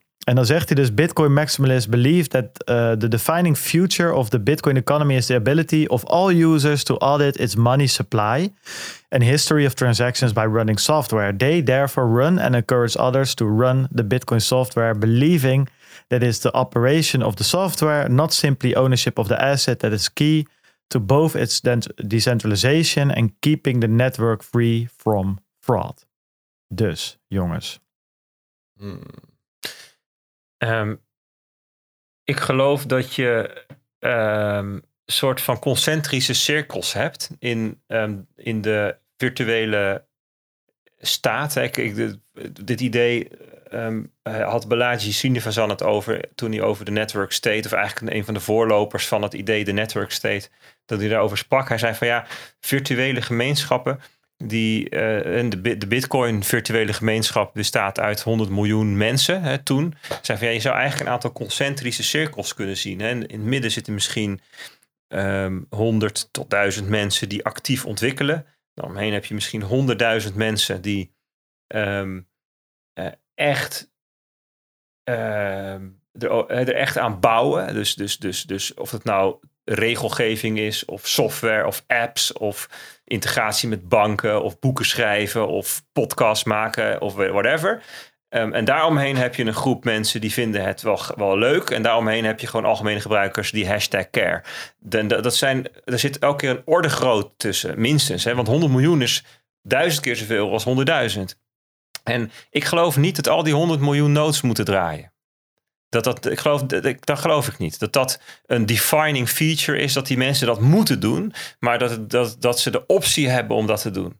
Die optionaliteit is belangrijk. En de vraag is, wat is nou de threshold om die optionaliteit in stand te houden? Hoeveel heb je er dan nodig? Heb je dat al als er 10.000 mensen dat doen, of 100.000 of een miljoen? Dat zijn natuurlijk, kun je het over hebben. Maar ik geloof dat dat de essentie is van het verhaal. En ik geloof dus niet dat er een plicht is om zelf de software te compilen en nodes te draaien en je druk te maken over alle aspecten waarmee dat gecorrumpeerd kan worden en zo. Heel lang verhaal om te zeggen dat je geen node hebt. Oh jawel hoor, ik heb een node, zeker. Oh, toch wel? Ja, zeker. Wat dan? Meerdere zelfs, een aantal virtual machines waar, waar zo'n node op draait. Oké. Ik dacht dat jullie nooit die Raspberry Pi's uh, dat ik, had al, een, ik had al een nood ruim voor de Raspberry Pi's. Ja, een nood is de software dat verhaal weer. Maar dit, dit hele verhaal, dit punt 2, ik snap je verhaal wel, Bert. Maar het gaat er toch om draaien jood.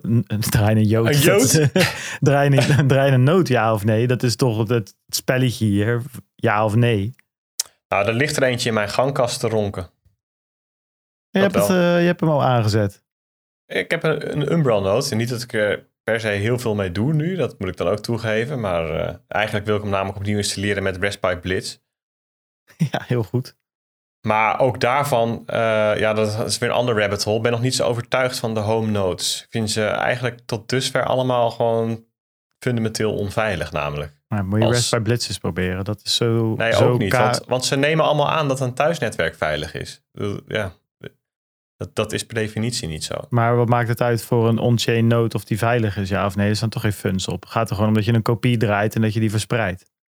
Dat is ja, waar die... in de uh, context van, van dit ding, nee. Ja. Maar als ik een... No de, de, de reden voor mij uh, is, is vooral dat ik het een leuk idee vind dat ik dat kan gebruiken als thuisbankje. Dus dat ja. ik daar mijn, uh, mijn Lightning apps aan kan koppelen en dus dat daar wel gewoon geld overheen stroomt dat houdt mij nog een beetje tegen om die serieus in gebruik te nemen. Maar ja, ik op zich zelf met het commitment om Bitcoin software te draaien, ben ik het wel mee eens. Dus ik, ik vind het wel belangrijk.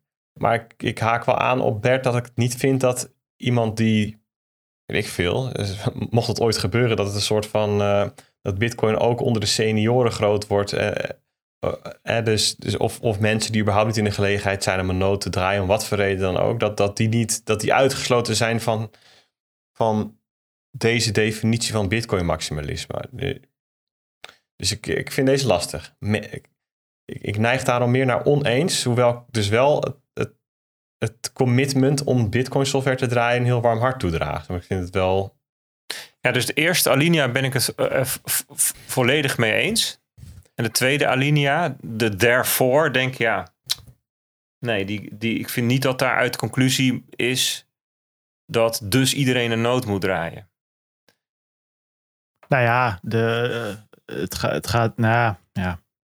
Ik, ik, ja, ik denk ook niet dat iedereen een nood gaat draaien, maar dit gaat over dus de, de, de ja, de, wanneer ben je een maximalist? Ja, mijn oma is ook geen maximalist. Toch? Weet je, dat is toch ook vrij simpel. Nee, dat, dat is überhaupt natuurlijk de centrale vraag. Hè? Wanneer ben je maximalist? En dit is uh, Pete Rizzo's een lijstje van uh, negen eigenschappen van ja. de maximalist. Nou, ik zou deze, als dat was gebleven bij dat iemand een commitment heeft om, om dus, dus een, uh, het draaien van de Bitcoin software belangrijk vindt en, en het daar ook over wellicht ook over heeft, omdat het van belangrijk is voor het Bitcoin netwerk. Dat vind ik helemaal, helemaal mee eens, maar dat het een soort van vereiste is van je bent pas een maximalist als je ook een bitcoin node of de bitcoin software draait, daar ben ik niet mee eens. En dan ook ja. dat je anderen encouraged, hè? dus het is onderdeel van je missie, van je roeping, om ook anderen... Ja. ja. denk ja, maar... Nee. Ja, Kijk, maar als, je dat, als, ja, maar, als maxi, maar als die maximalisten dat niet doen, dan hou je toch weinig nodes over. Er is de, de, dat evangelistische of dat Weet je, dat, dat, dat, er is namelijk geen goede reden, uh, economisch gezien, om een nood te draaien. Zo simpel is het. Het is moeite, het kost hardware, het kost stroom. Dat is allemaal niet veel, maar het kost wel geld.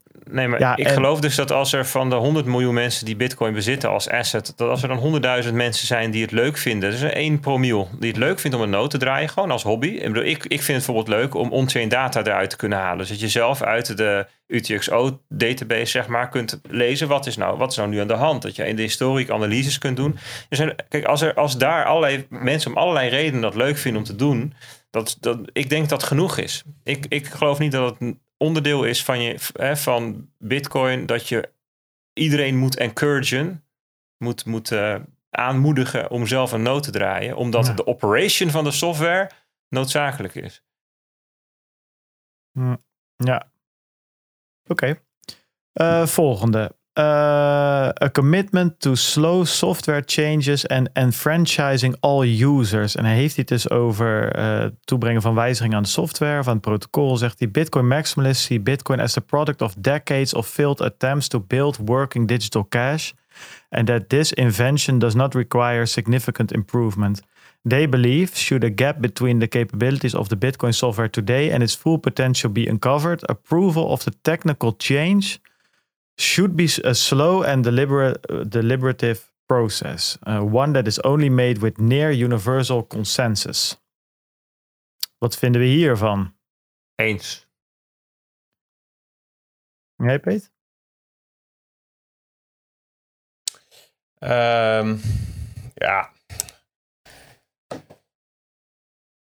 Ik ben het op zich wel eens. Ik vind alleen de eerste linie niet zo sterk. Weet je, ja, dat impliceert namelijk dat Bitcoin niet een field attempt is uh, voor werkend digitaal cash. Ik bedoel, het doet nu wel zijn ding, maar of het, eh, of het over twintig jaar nog zijn ding mhm. doet, is maar de vraag. Maar ik, ik vind dat, um, ja, dat. Dat is misschien wel een soort van rode draad door al die statements heen. Daar zit een bepaalde. Um, op vooringenomenheid. Absoluutheid, ja. Bepaalde, ja, een bepaald extremisme of zo. Een soort ge geloofsovertuiging. I don't know. Die, die, die, daar ga ik niet zo goed op. Nee. Dus- ja, ik ben het er ook gewoon eigenlijk gewoon niet mee eens. Uh, want vooral het, in het tweede stuk. Um, even kijken hoor. Dit was puntje, puntje drie. Waar, waar we het nu over hebben. Um, near universal consensus. Ja, uh, good luck, weet je. Ik heb die vorige manieren, uh, de, de, de, de, ene keer uh, leidde het tot, tot, tot zo ongeveer een burgeroorlog in het Bitcoin-landschap met, met Segwit. En de keer daarna, um, met, ehm, met Taproot, hebben we toch ook maar weer een beetje... Um, ja, dus is uiteindelijk wel consensus natuurlijk gekomen. Maar de manier waarop hebben we eigenlijk het probleem van consensus vinden toch weer vooruitgeschoven. De details zijn me een beetje, uh, zou ik even op moeten zoeken. Maar het komt erop neer dat de volgende keer dat er een grote verandering is, dat, dat we maar moeten gaan zien of we nu een manier hebben gevonden om makkelijk tot elkaar te komen. En ja, ik vind het een beetje. Um, uh, en daarnaast vind ik, Peet, inderdaad, ben ik ook wel met je eens. Working digital cash. Nou, nou, nou, er mag nog wel wat gebeuren aan het privacy aspect van Bitcoin. Uh, zo zijn er nog wel een paar andere dingen waarvan ik denk, nou, daar mag, mag best nog wel wat innovatie overheen. Om nu te denken dat dat klaar is en dat we dat. Uh, dat het zo wel prima is, vind, nee, ja, dat, dat, dat, vind ik, dat vind ik veel te vroeg in, in, de, in de levensfase van Bitcoin, om heel eerlijk te zijn. Dus. Maar weet je, dit is ook weer elke keer denk ik van die ene zin, weet je wel. Dus, dus slow software changes. Ben ik helemaal mee eens. Wat belangrijk is. Dus ik, ik vind het ethos waarmee nu ontwikkeld wordt aan, aan Bitcoin heel goed, heel sterk. Dus, um, nou, ik vind het wel een goede opmerking van. Um, ik had die eerste alinea net even anders geïnterpreteerd. Hè, maar als je inderdaad even inzoomt op uh, dat this invention does not require significant improvement. Dat je eigenlijk zegt dat Bitcoin zoals het nu is eigenlijk volmaakt is tegen het volmaakte aan. En dan ben ik het helemaal wel eens met, met jullie punt van dat de privacy wel een probleem is. dus als je het hebt over cash, en dat Satoshi zelf natuurlijk ook al geïdentificeerd heeft dat er aan de privacy nog wel wat haken en ogen zitten. Nog wel wat, eh, wat, wat vraagtekens. En dan kan je zeggen, ja, maar dat moet op een tweede laag gebeuren. Ja, is dat dan niet onderdeel van? er moesten ook dingen aan de eerste laag worden veranderd om Lightning mogelijk te maken. Dus zeg maar Bitcoin als fenomeen. Hè, dus als je zegt van ja, weet je, je, kan, je kan Bitcoin, je kan puur kijken naar de code. Um, hè, zoals die nu is. Maar er is ook het, het fenomeen Bitcoin. Dan kun je Bitcoin als uh, working digital cash kun je ook zeggen van nou dat is een fenomeen wat meer is dan de code. bijvoorbeeld het Lightning netwerk of lagen eromheen of toezicht of regelgeving. Alles bij elkaar um, uh, die, het, zorgt voor een antwoord op de vraag: is this working digital cash? Dat is niet alleen maar het product van Bitcoin zelf, maar ook het product van, alle, van het hele ecosysteem eromheen, de wallets en de integratie met de echte wereld. En dan is het antwoord: is het wel of niet working digital cash? En um, ja, ik ben er wel mee eens dat het te stellig is om te zeggen dat het geen significant improvement required. Ja. Dat, dat valt nog te bezien. Ja, dan hebben we die, uh, daar hebben we die staan. Uh, punt 4, a commitment to building services on Bitcoin. En daar zegt hij dus bij. Wat ik trouwens wel vind, is dat de zinnetjes die hij erboven heeft staan, dan weer soms niet helemaal naar mijn idee de de, de gist, de geest van die tekst, de geest van die tekst vangen, inderdaad. Maar goed, we gaan gewoon lekker door, want het is nog steeds wel leuk. While it is acknowledged some Bitcoin users will want to use custody or lending services, these systems can and do pose a real risk to users. En dan heeft hij het bijvoorbeeld over Celsius en Voyager en weet ik het allemaal. Not your keys, not your coins, dat soort gekkigheid. Bitcoin maximalists accept that they, uh, they cannot stop the creation of such businesses, but strive to ensure their users understand the trade offs they make when using them and how to compare the direct custody of Bitcoin.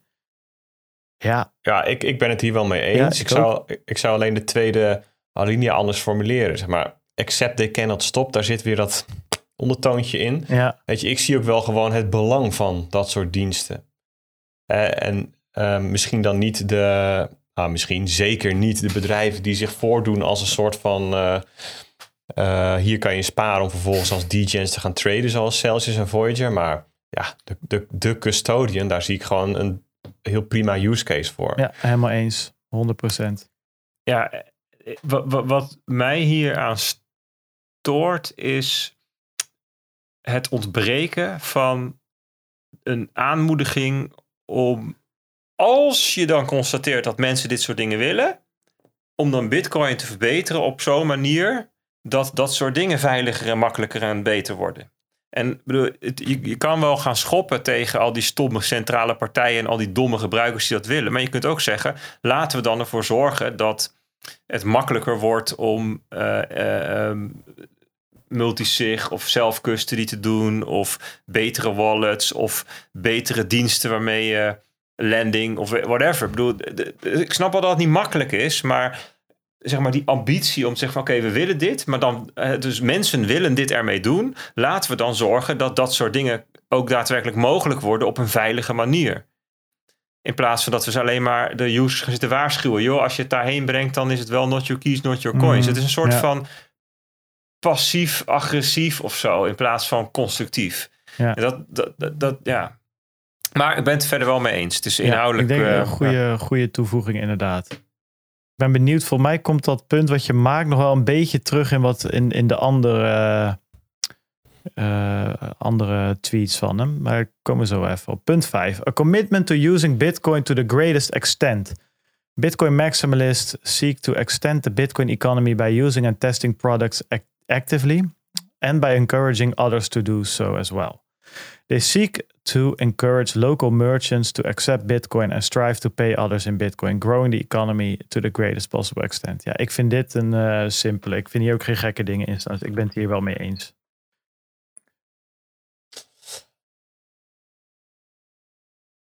Ja, ik, ik, ik hang hier een beetje op, um, op hetzelfde als bij 2, waar ik ook moeite had met uitspreken. Uh, definieert de Bitcoin-maximalist zich door het evangelisme. Weet je wel? Dus dat je, dat je op zoek gaat naar, naar winkels en die ook aanhaakt op het netwerk. Daar heb ik moeite mee. Dus, dus ja, op zich wel geinig, uh, geinig invalshoek. Hè? Want dat vond ik ook bij het software. Ja, ik denk wel dat, dat het belangrijk is. De, de Bitcoin maximalist. Ik denk dat veel mensen die zich daarmee identificeren wel die noodsoftware draaien. En ik denk ook wel dat er veel Bitcoin maximalisten zijn die vanuit een bepaalde passie proberen adoptie te veroorzaken. Maar ben je alleen een Bitcoin maximalist als je dat doet? Is dat voorwaardelijk? En dat, dat, dat weet ik niet. eh, Of ik dat voorwaardelijk vind. Het voelt een beetje Dus- als, dus ik- als een eenzijdig eh, beeld bij wat er nodig is. Hè? Dus als je.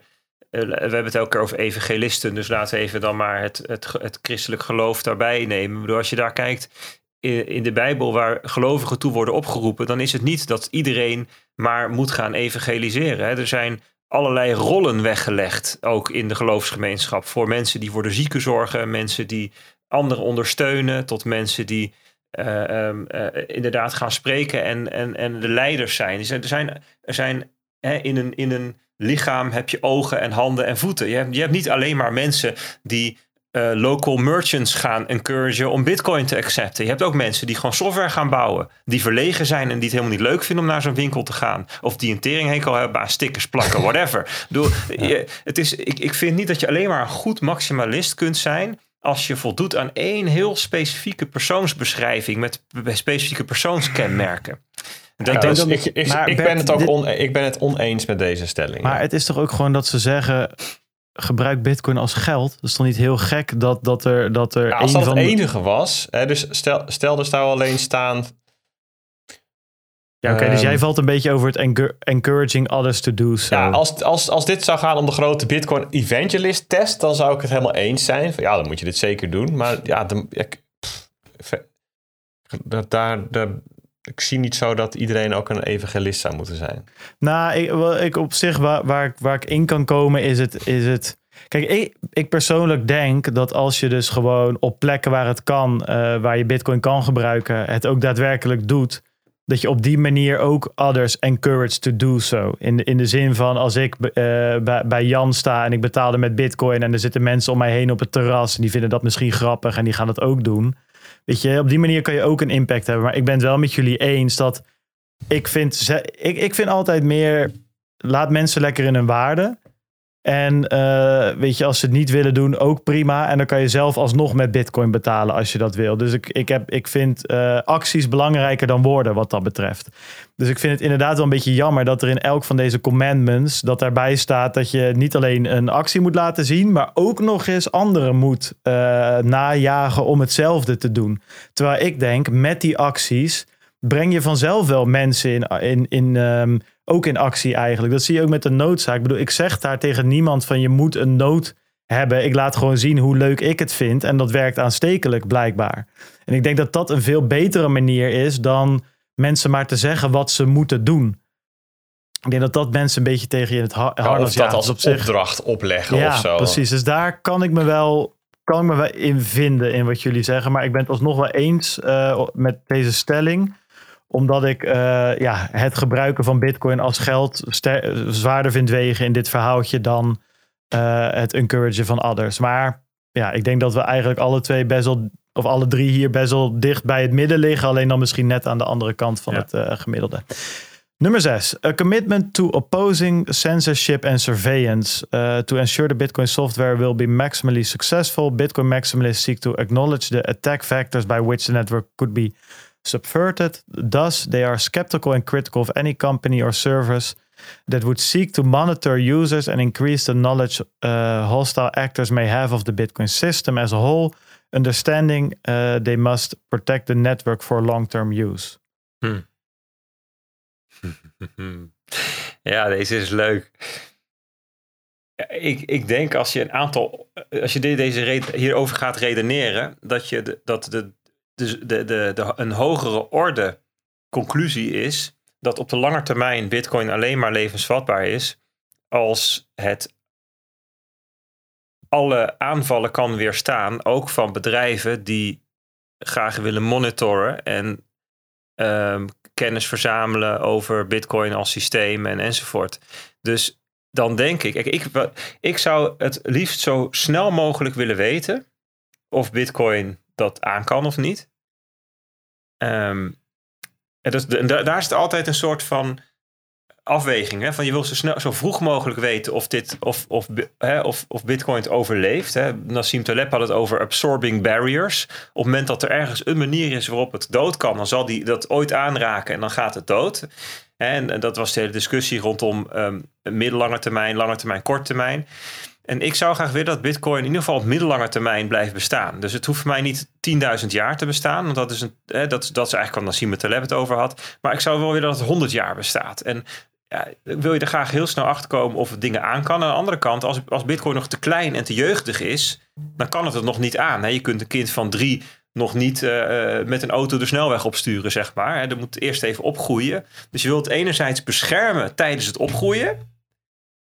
Maar ook zo vroeg mogelijk erachter komen of het wel of niet doodgaat door dit soort aanvallen. En daar, dus daar, dat, ik begrijp wel dat, ze het, dat hij zegt, van, ja, we moeten het wel Bitcoin een beetje beschermen. Aan de andere kant vind ik ook, ja, als het protocol iets toestaat, dan, dan, dan moet het ook gewoon kunnen en mogen. Dan moeten Ja. bedrijven dat ook gewoon kunnen en mogen doen. Dus ik vind deze moeilijk. Wat vinden Nou jullie? ja, nou ja, je kunt wel sceptisch en kritisch staan tegenover bedrijven die het gedrag van gebruikers monitoren.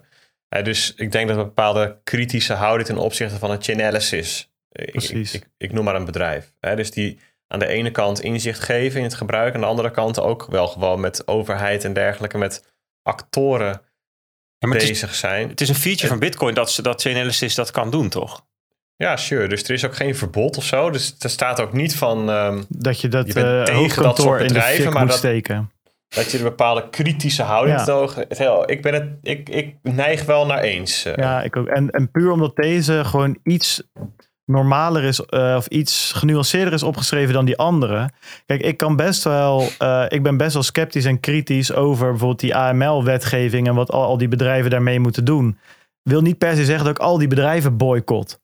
Weet je, dat ik nu gestopt ben met Bitonic gebruiken of, eh, of, eh, of Bitfavo of een van die andere clubs. Weet je wel, dus, maar ik ben er wel kritisch op. En ik vind het wel eh, interessant, bijvoorbeeld die rechtszaak. En daar sta ik ook wel achter, die Bitonic gevoerd heeft. Dus ik vind dit wat fi- een fijner, een fijn, ja, sceptisch en kritisch denk ik dat het sowieso een goede blik is om mee door het leven te gaan vaak. Dus ja, ik, ik kan me hier wel in vinden. Ja, ze zetten Ehm. mij ook maar eens met de, bij de opmerking dat ik dus wel... pij- wel nee, niet, die hoef je niet bij te zetten. Maar dat, dat het wel een beetje pijn doet om dan op te schrijven... dat, je, dat de, de levensvatbaarheid van bitcoin dan blijkbaar afhangt van het, de users die het netwerk moeten beschermen. Understanding they must protect the network for long-term use. Dus, dus als je bitcoin op lange termijn nog wil hebben... zijn er blijkbaar gebruikers nodig die het beschermen. Dat Ja, vind ik heel eens. kwetsbaar, vind ik fragiel. Ja. En ja, daar heb ik moeite mee. Maar goed, eh, de, de gist is eens. Staat, eh, staat eh, opgeschreven. We komen er wel. Zeven. A commitment to supporting Bitcoin mining by any and all means. Ja, ik ben. Ik, ja, nee, ja, ik ben het hier niet mee eens. Ehm, alleen al aan dit, aan dit stukje. Ik zal hem nog even voorlezen. Bitcoin maximalists understand that proof of work is essential to the operation of the network and believe there are no alternatives to the system that exist without trade-offs that would reduce the viability of the economy of that economy. This is because at its heart, uh, they believe proof of work is the only consensus method by which a cryptocurrency can be distributed to anyone in the world in a free market without barriers to entry imposed by any group. Ja, ik ben eigenlijk met bijna alles wat hier staat. Nou, Niet hier is eens dus en wat met leuks aan de hand. En met Hier de is- dingen met wie ik het, waar ik het wel mee eens ben, heb ik zoiets van ja, dat is nu. En eh, ik ben benieuwd hoe dat over vijf jaar is of over tien jaar is. Dus ik vind het lastig om daar commitments op te doen. Bij all Ja, maar- means, any and all dus- means. Maar er zit, me- bij de meeste van deze stellingen was ik het wel eens met het kleine zinnetje boven de screenshot. Nu is het andersom. Nu ben ik het wel eens met de screenshot en, en heb ik niet zoveel met het zinnetje dat erboven staat door die by any and all means. Ja. Want, want ja, weet je, er zit wel een ondertoon in van hoe het nu is hè, in, in de tekst die je net oplas. Hè, op dit moment denk ik ook dat proof of work het best geteste en eh, consensusmechanisme dat er is. En moet ik nog maar zien of er iets ontstaat dat die functie beter kan vervullen. Dus eh, eh, met andere of betere externaliteiten dan proof of work heeft. Dus in het nu ben ik het eens met deze twee alinea's. En eh, ja, ik zou het zelf dan anders formuleren. Ook, ook, ook dat zinnetje dat je oplast. Maar zeg bij mij maar een eens. Ja. Ja, ik met die opmerking van Peet, voor mij hetzelfde. Ja. ja, wat ik bijvoorbeeld ook het lastige vind hieraan, is dat ik denk van ja, kijk, als we over tien jaar niet zoveel zijn opgeschoten qua gebruik en use case en whatever, adoptie. Ja, op een gegeven moment dan ben je dus wel gewoon energie weg aan het pleuren. Dan heb ik wel zoiets van, kijk, op een gegeven moment moet het wel daadwerkelijk een alternatief worden voor iets eh, wat echt handig is en waar we echt wat aan hebben of wat mensen toch echt gebruiken. En kijk, ik vind het prima om, om nu zeg maar door te gaan eh, op de hoop dat dat gaat komen. Maar goed, dat moet dan wel op een gegeven moment komen. En ja, goed, ik, ik, eh, ik triggerde gewoon nogal op dat zinnetje inderdaad bij any and all means. Dat klinkt een soort van forever and ever. Een beetje alsof je gaat Ja. trouwen, trouwen met bitcoin tot de dood ons Ja. scheidt. En Ja. ja, daar is het voor mij gewoon veel te eh, on- onzeker nog voor wat er kan gaan gebeuren. Buiten dat, ja, wie weet eh, blijken proof of stake en alle ZK snarks en, en, en weet ik het allemaal wat ze- en de, en de, en de shard, eh, shard, shard minings of weet ik veel, de sharding wat ze allemaal aan het bouwen zijn. Wie weet werkt het wel fantastisch. Weet je, Ehm, kan ook hè. Ik bedoel, het is echt niet 0 of 1 daar. eh, of, het, ja, of het wel of niet werkt wel natuurlijk. Maar dat zijn even wat dingen die bij mij door mijn hoofd eh, spoken. Wel eens met Peet dat op dit moment ja, ben ik het hier wel mee eens. Omdat er gewoon te veel onzekerheid ligt rondom proof of stake. Om daar iets over, om, daar, om dat als volwaardig alternatief te zien. Eh, eens. En barriers of entry vind ik ook wel makkelijk hoor. Free market als het over mining gaat. Ik weet niet, maar ja, valt ook nog wel een en ander over te zeggen. Ja. Daarvoor vind ik die nodes dus zo belangrijk. Omdat dat dus wel eigenlijk een free market is. En waar de barrier of entry wel heel laag ligt. Anyway, punt 8. Uh, a commitment to crypto minimalism. Bitcoin maximalists are skeptical and critical of claims to technical advances made by other cryptocurrency softwares and seek to maintain and bolster a culture of scrut- scrutiny. They, still, they acknowledge there are new services and products made available in the crypto sector and that the product of this effort can provide learnings to Bitcoin. However, they believe that these crypto assets and services are profiting of the short term limitations of Bitcoin and thus their use should be discouraged in order to inspire and fund the development of like offerings built on the Bitcoin network. Ja. Piet, maar dit spreekt toch een beetje dat punt wat hij hiervoor maakte van slow changes en het is eigenlijk wel af en eh, bla bla bla, spreekt het een beetje tegen. Want hij zegt eigenlijk, cryp- crypto is bullshit. En alle dingen die wel interessant zijn, die kunnen we ook wel op Bitcoin bouwen. Nou, ik weet überhaupt, ja. Ja. ik weet überhaupt niet of ik het daar wel mee eens ben. Eh, zeker gecombineerd met het feit dat hij dus eigenlijk ook zegt van ja, Bitcoin is eigenlijk wel af. En elke wijziging die er gemaakt wordt, dat moet eigenlijk lang op zich laten wachten. Plus, er moet eh, volledige, bij- bijna volledige consensus over zijn. Ja, dan kan ik je alvast wel zeggen dat, dat, dat veel van die dingen die op die andere chains gebeuren, dan niet zomaar in Bitcoin, laat, als het überhaupt wel in Bitcoin gebouwd wordt, gaat komen. Dus ik ben het eh, ik ben met crypto ma- minimalism wel eens. Maar niet met dit verhaaltje erbij. Ik denk dat er prima chains naast Bitcoin kunnen bestaan en die best een waarde kunnen hebben. Waarschijnlijk wel een andere use case en een andere waarde dan Bitcoin. Maar ja, ehm, dat hoeft voor mij echt niet allemaal op Bitcoin gebouwd te worden. Sterker nog, ik vraag me af of dat überhaupt gaat gebeuren. Ik vind dat een beetje een. Ik vraag me af waar die uitspraak überhaupt op gebouwd is. Om heel eerlijk te zijn. Ik zie, eh, mijn, ehm, aandacht werd gevangen door één zinnetje, namelijk ehm, maximalists seek to maintain and bolster a culture of scrutiny. Dus ehm, een cultuur van diepgravend onderzoek, van nauwkeurig onderzoeken. En dat is wat scrutiny is. En ik vind eigenlijk dat heel veel bitcoins dat niet doen. Eh, Die zeggen we alles wat met crypto te maken heeft, ja, het is bagger. Ik hoef er niet naar te kijken, ik hoef er niks van te weten, maar ik mag er wel een mening over hebben Mhm. denk ik, ja, ik zou het juist mooi vinden, inderdaad, als ehm, de, daar die, die, die, die, dat onderzoek er wel is. Hè? Ik bedoel, zijn tweede linie gaat dan over dat misschien learnings kan providen. Ja, dat, dat, dat, dat de, de, construct, de, zeg maar, de constructieve manier is dat je dan ook daadwerkelijk zelf in verdiept of in meedoet en kijkt. Hè? In plaats van dat je van afstandje gaat staan kijken of er misschien wat uit de boom komt vallen. Maar, maar goed, ja, weet je, ik denk dat ik in essentie wel um, de skeptical en critical of claims to technical advances made by other cryptocurrency, daar ben ik het wel mee eens. Dus ik denk dat ja, de, de, de essentie van het verhaal, van heel kritisch en sceptisch over de claims van, van, van crypto. Het crypto casino zijn wij natuurlijk ook heel kritisch op. En Dino's, hè, decentralized in name only. Hè. Dus kijk, uiteindelijk ben ik een decentralisatie-maximalist. Hè. Dus ik geloof echt in wat decentralized technology kan brengen. En ik geloof dat Bitcoin eigenlijk de enige is die ook maar een beetje de buurt komt van echte decentralisatie. En zelfs bij Bitcoin zijn er best nog wel wat aspecten waar, de, waar centralisatierisico's zijn of onvoldoende decentralisatie is. Um, eh, en op dat spectrum zitten ook, ook wel dingen in de cryptowereld, maar 99% is, of 90, 95, whatever procent is daadwerkelijk gewoon kruft. Dus. En jij, Peet? Ja, ik ben het wel eens. Ja, ik sluit me ook wel aan bij, bij, uh, bij Bert. Ik denk dat ik het er meer mee eens ben, maar ik ben het wel echt oneens met die twee middelste alinea's. Waarvan ik denk, ja, ja, alles op Bitcoin, bla bla bla. Dat, uh, kom daar eens met, met die scrutiny inderdaad. Weet je, toon eens aan dat alles op Bitcoin kan. Ben wel benieuwd.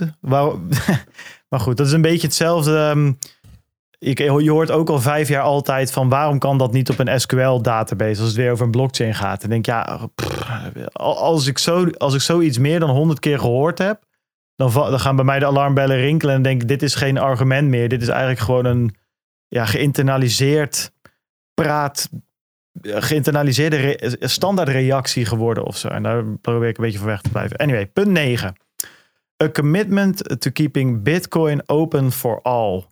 Dat vind ik wel mooi, hè? Uh, om dat uit de mond van een maximalist te, te horen. Bitcoin maximalists believe everyone in the world should use Bitcoin as money and that the Bitcoin economy will ultimately be used by all people, regardless of race, religion, or nationality. Uh, thus, they seek to inform and, ed- and educate people from all walks of life about the benefits of Bitcoin when possible, assuming everyone can benefit from the use of Bitcoin.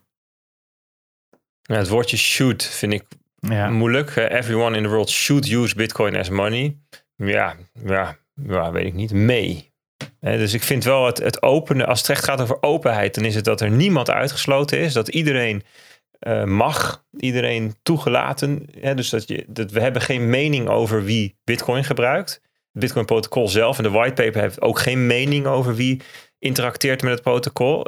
En dat vind ik er heel bijzonder aan. En dat is wat het ook onderscheidt. Wat fundamentele onderscheid is van andere vormen van digitaal geld, zoals Central Bank Digital Currency. Waar heel expliciet onderdeel van is dat je dat er bekeken wordt wie op welke manier mag interacteren.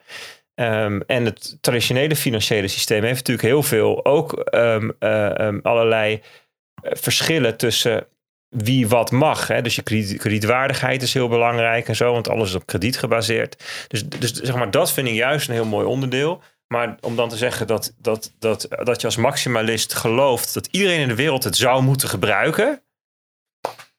Ja, die vind ik wel weer erg dwingend. Maar goed. Ik heb zoiets als het echt superieur geld is, dan gaan mensen het vanzelf wel gebruiken. Exact. Op het moment dat je dat zelf laat zien, dat je het zelf gebruikt, je mag er best enthousiast over zijn. Je mag mensen best vertellen hoe het werkt. Als ze vragen van, hé, hey, waarvoor betaal je niet met PIN, maar met een QR-code, weet je wel. Tuurlijk, dat is, dat is allemaal maar dat, ja, dat, dat, ja, dat shoot inderdaad, daar val ik wel hier uh, heb je, over. Voor mij raak je hier echt de kern van, hoe ik, wat, van wat ik hier, van de bijsmaak die ik bij sommige dingen heb. Ik vind dat technologie ja, ik, ik, vind, ik, ik vind het niet alleen. Ik, ik observeer dat technologie alleen maar succesvol wordt op massaschaal als het beter is dan alternatieven. En niet omdat iemand vindt dat je het moet gebruiken. Dat kan wel, dat heet dwang. En dan zeg je, joh, het enige systeem wat ondersteund wordt, dat is uh, e-herkenning of zo. Of ik weet niet of jullie het wel eens gebruikt hebben. Ja, dus zo'n zo dienst van de overheid. krijg je tegenwoordig geld voor als je het gebruikt. Echt jongen, ik gooi dus nog een, een, een, salontafel op mijn tenen. Wat een ellende is dat. En dat krijg je als dan gaan overheden je dwingen om iets te gebruiken. Dat is ellende. en um, uh, ja, dat is wel een uiterste hoor. Want ik zit meteen te denken, ja, je hebt ook een bepaalde vorm van uh, tussenweg hè, met subsidies. Ja, weet ik niet of ik, of ik principieel tegen subsidie ben. Uh, om maar eens even dat is verleiding. Dat is dan vorm van verleiding of zo. Ja, ik, ik, ik, ik, ik vind wat, wat jij net zei, Bart, van we moeten gewoon zorgen dat Bitcoin zo goed wordt dat het beter is dan de alternatieven. Daar geloof ik heel erg in. Ja. En ik geloof dus heel erg in dat, dat mensen gaan kijken van kunnen wij Bitcoin verbeteren of het ecosysteem eromheen verbeteren of de lagen erbovenop verbeteren of diensten bouwen, start-ups, software, whatever, voor coole dingen. Dat iedereen op een gegeven moment zegt, joh, als ik A en B vergelijk, kies ik voor B en dat is de B van Bitcoin. En dat vind ik wat anders dan dat je gaat zeggen tegen mensen, je moet het gebruiken. En winkel, je moet het ondersteunen. Je moet het accepteren. Nee, je moet het zo goed maken dat die winkel zelf zegt, natuurlijk wil ik Bitcoin accepteren. Dat is wat je moet doen. Dat is een veel slim, ja. Ja, en ik vind hier ook een beetje, hier doelt hij natuurlijk een beetje op de derde wereldlanden, de armere landen, die dan nu eh, ehm, eh, de unbanked populatie van de wereld. En denk ik, ja, jongens, eh, dat is natuurlijk allemaal hartstikke leuk en aardig, maar eh, ik denk dat de gemiddelde Pakistan op dit moment wel eventjes eh, wat andere dingen aan zijn hoofd heeft met die overstromingen daar, weet je. Of, of in half Afrika waar de oorlogen zijn of weet ik het allemaal. Dat zijn natuurlijk wel dingen waarvan ik denk, ja, dan kan je wel zeggen, je moet bitcoin gaan gebruiken, maar laat ze het lekker zelf beslissen. En als het daadwerkelijk goed werkt, ja, wie weet gaan ze het dan zelf wel doen. Anyway, eh Peet, zeg nog maar even of je het ermee oneens of eens bent, dan maak ik hem af. Bert, ik zet hem bij jou dan ook eh, gewoon even op oneens. Gewoon. Ja, doe maar. Oneens. Oneens. Oké, nou dat was hem. We zijn denk ik eh, een beetje halve maximalisten volgens Pete Rizzo. Dus ik hoop niet dat we hem tegenkomen in Amsterdam. Dan kan, dan kunnen we wel eens wat tikken van hem krijgen. Maar ehm, we, we hebben ons best gedaan. Piet. Ehm, ja, nou dat was hem ook voor deze week. Eh, we hebben er weer eh, aardig wat van gebakken. Bijna drie uur, dat is wel een record. Moeten we maar eens even kijken hoe we dat volgende week weer eens in bedwang gaan krijgen. Maar goed, weet je, de scholen zijn weer begonnen. Iedereen weer naar werk. Iedereen staat weer in de file. Dus eh, genoeg tijd om, eh, om te luisteren, denk ik zomaar. Peet, Bert, bedankt jongens. Eh, jullie allemaal bedankt voor het luisteren. Vind je de podcast leuk? Journals, Telegram, volg ons op de Twitter. Alle links op satoshiradio.nl. En dan zien we jullie gewoon volgende week weer terug. Adios. Jojo, Later. doei, doei. Oh, ik ga even pissen, jongens. Hij zit meteen weg. Heerlijk. Oj, oj, yeah.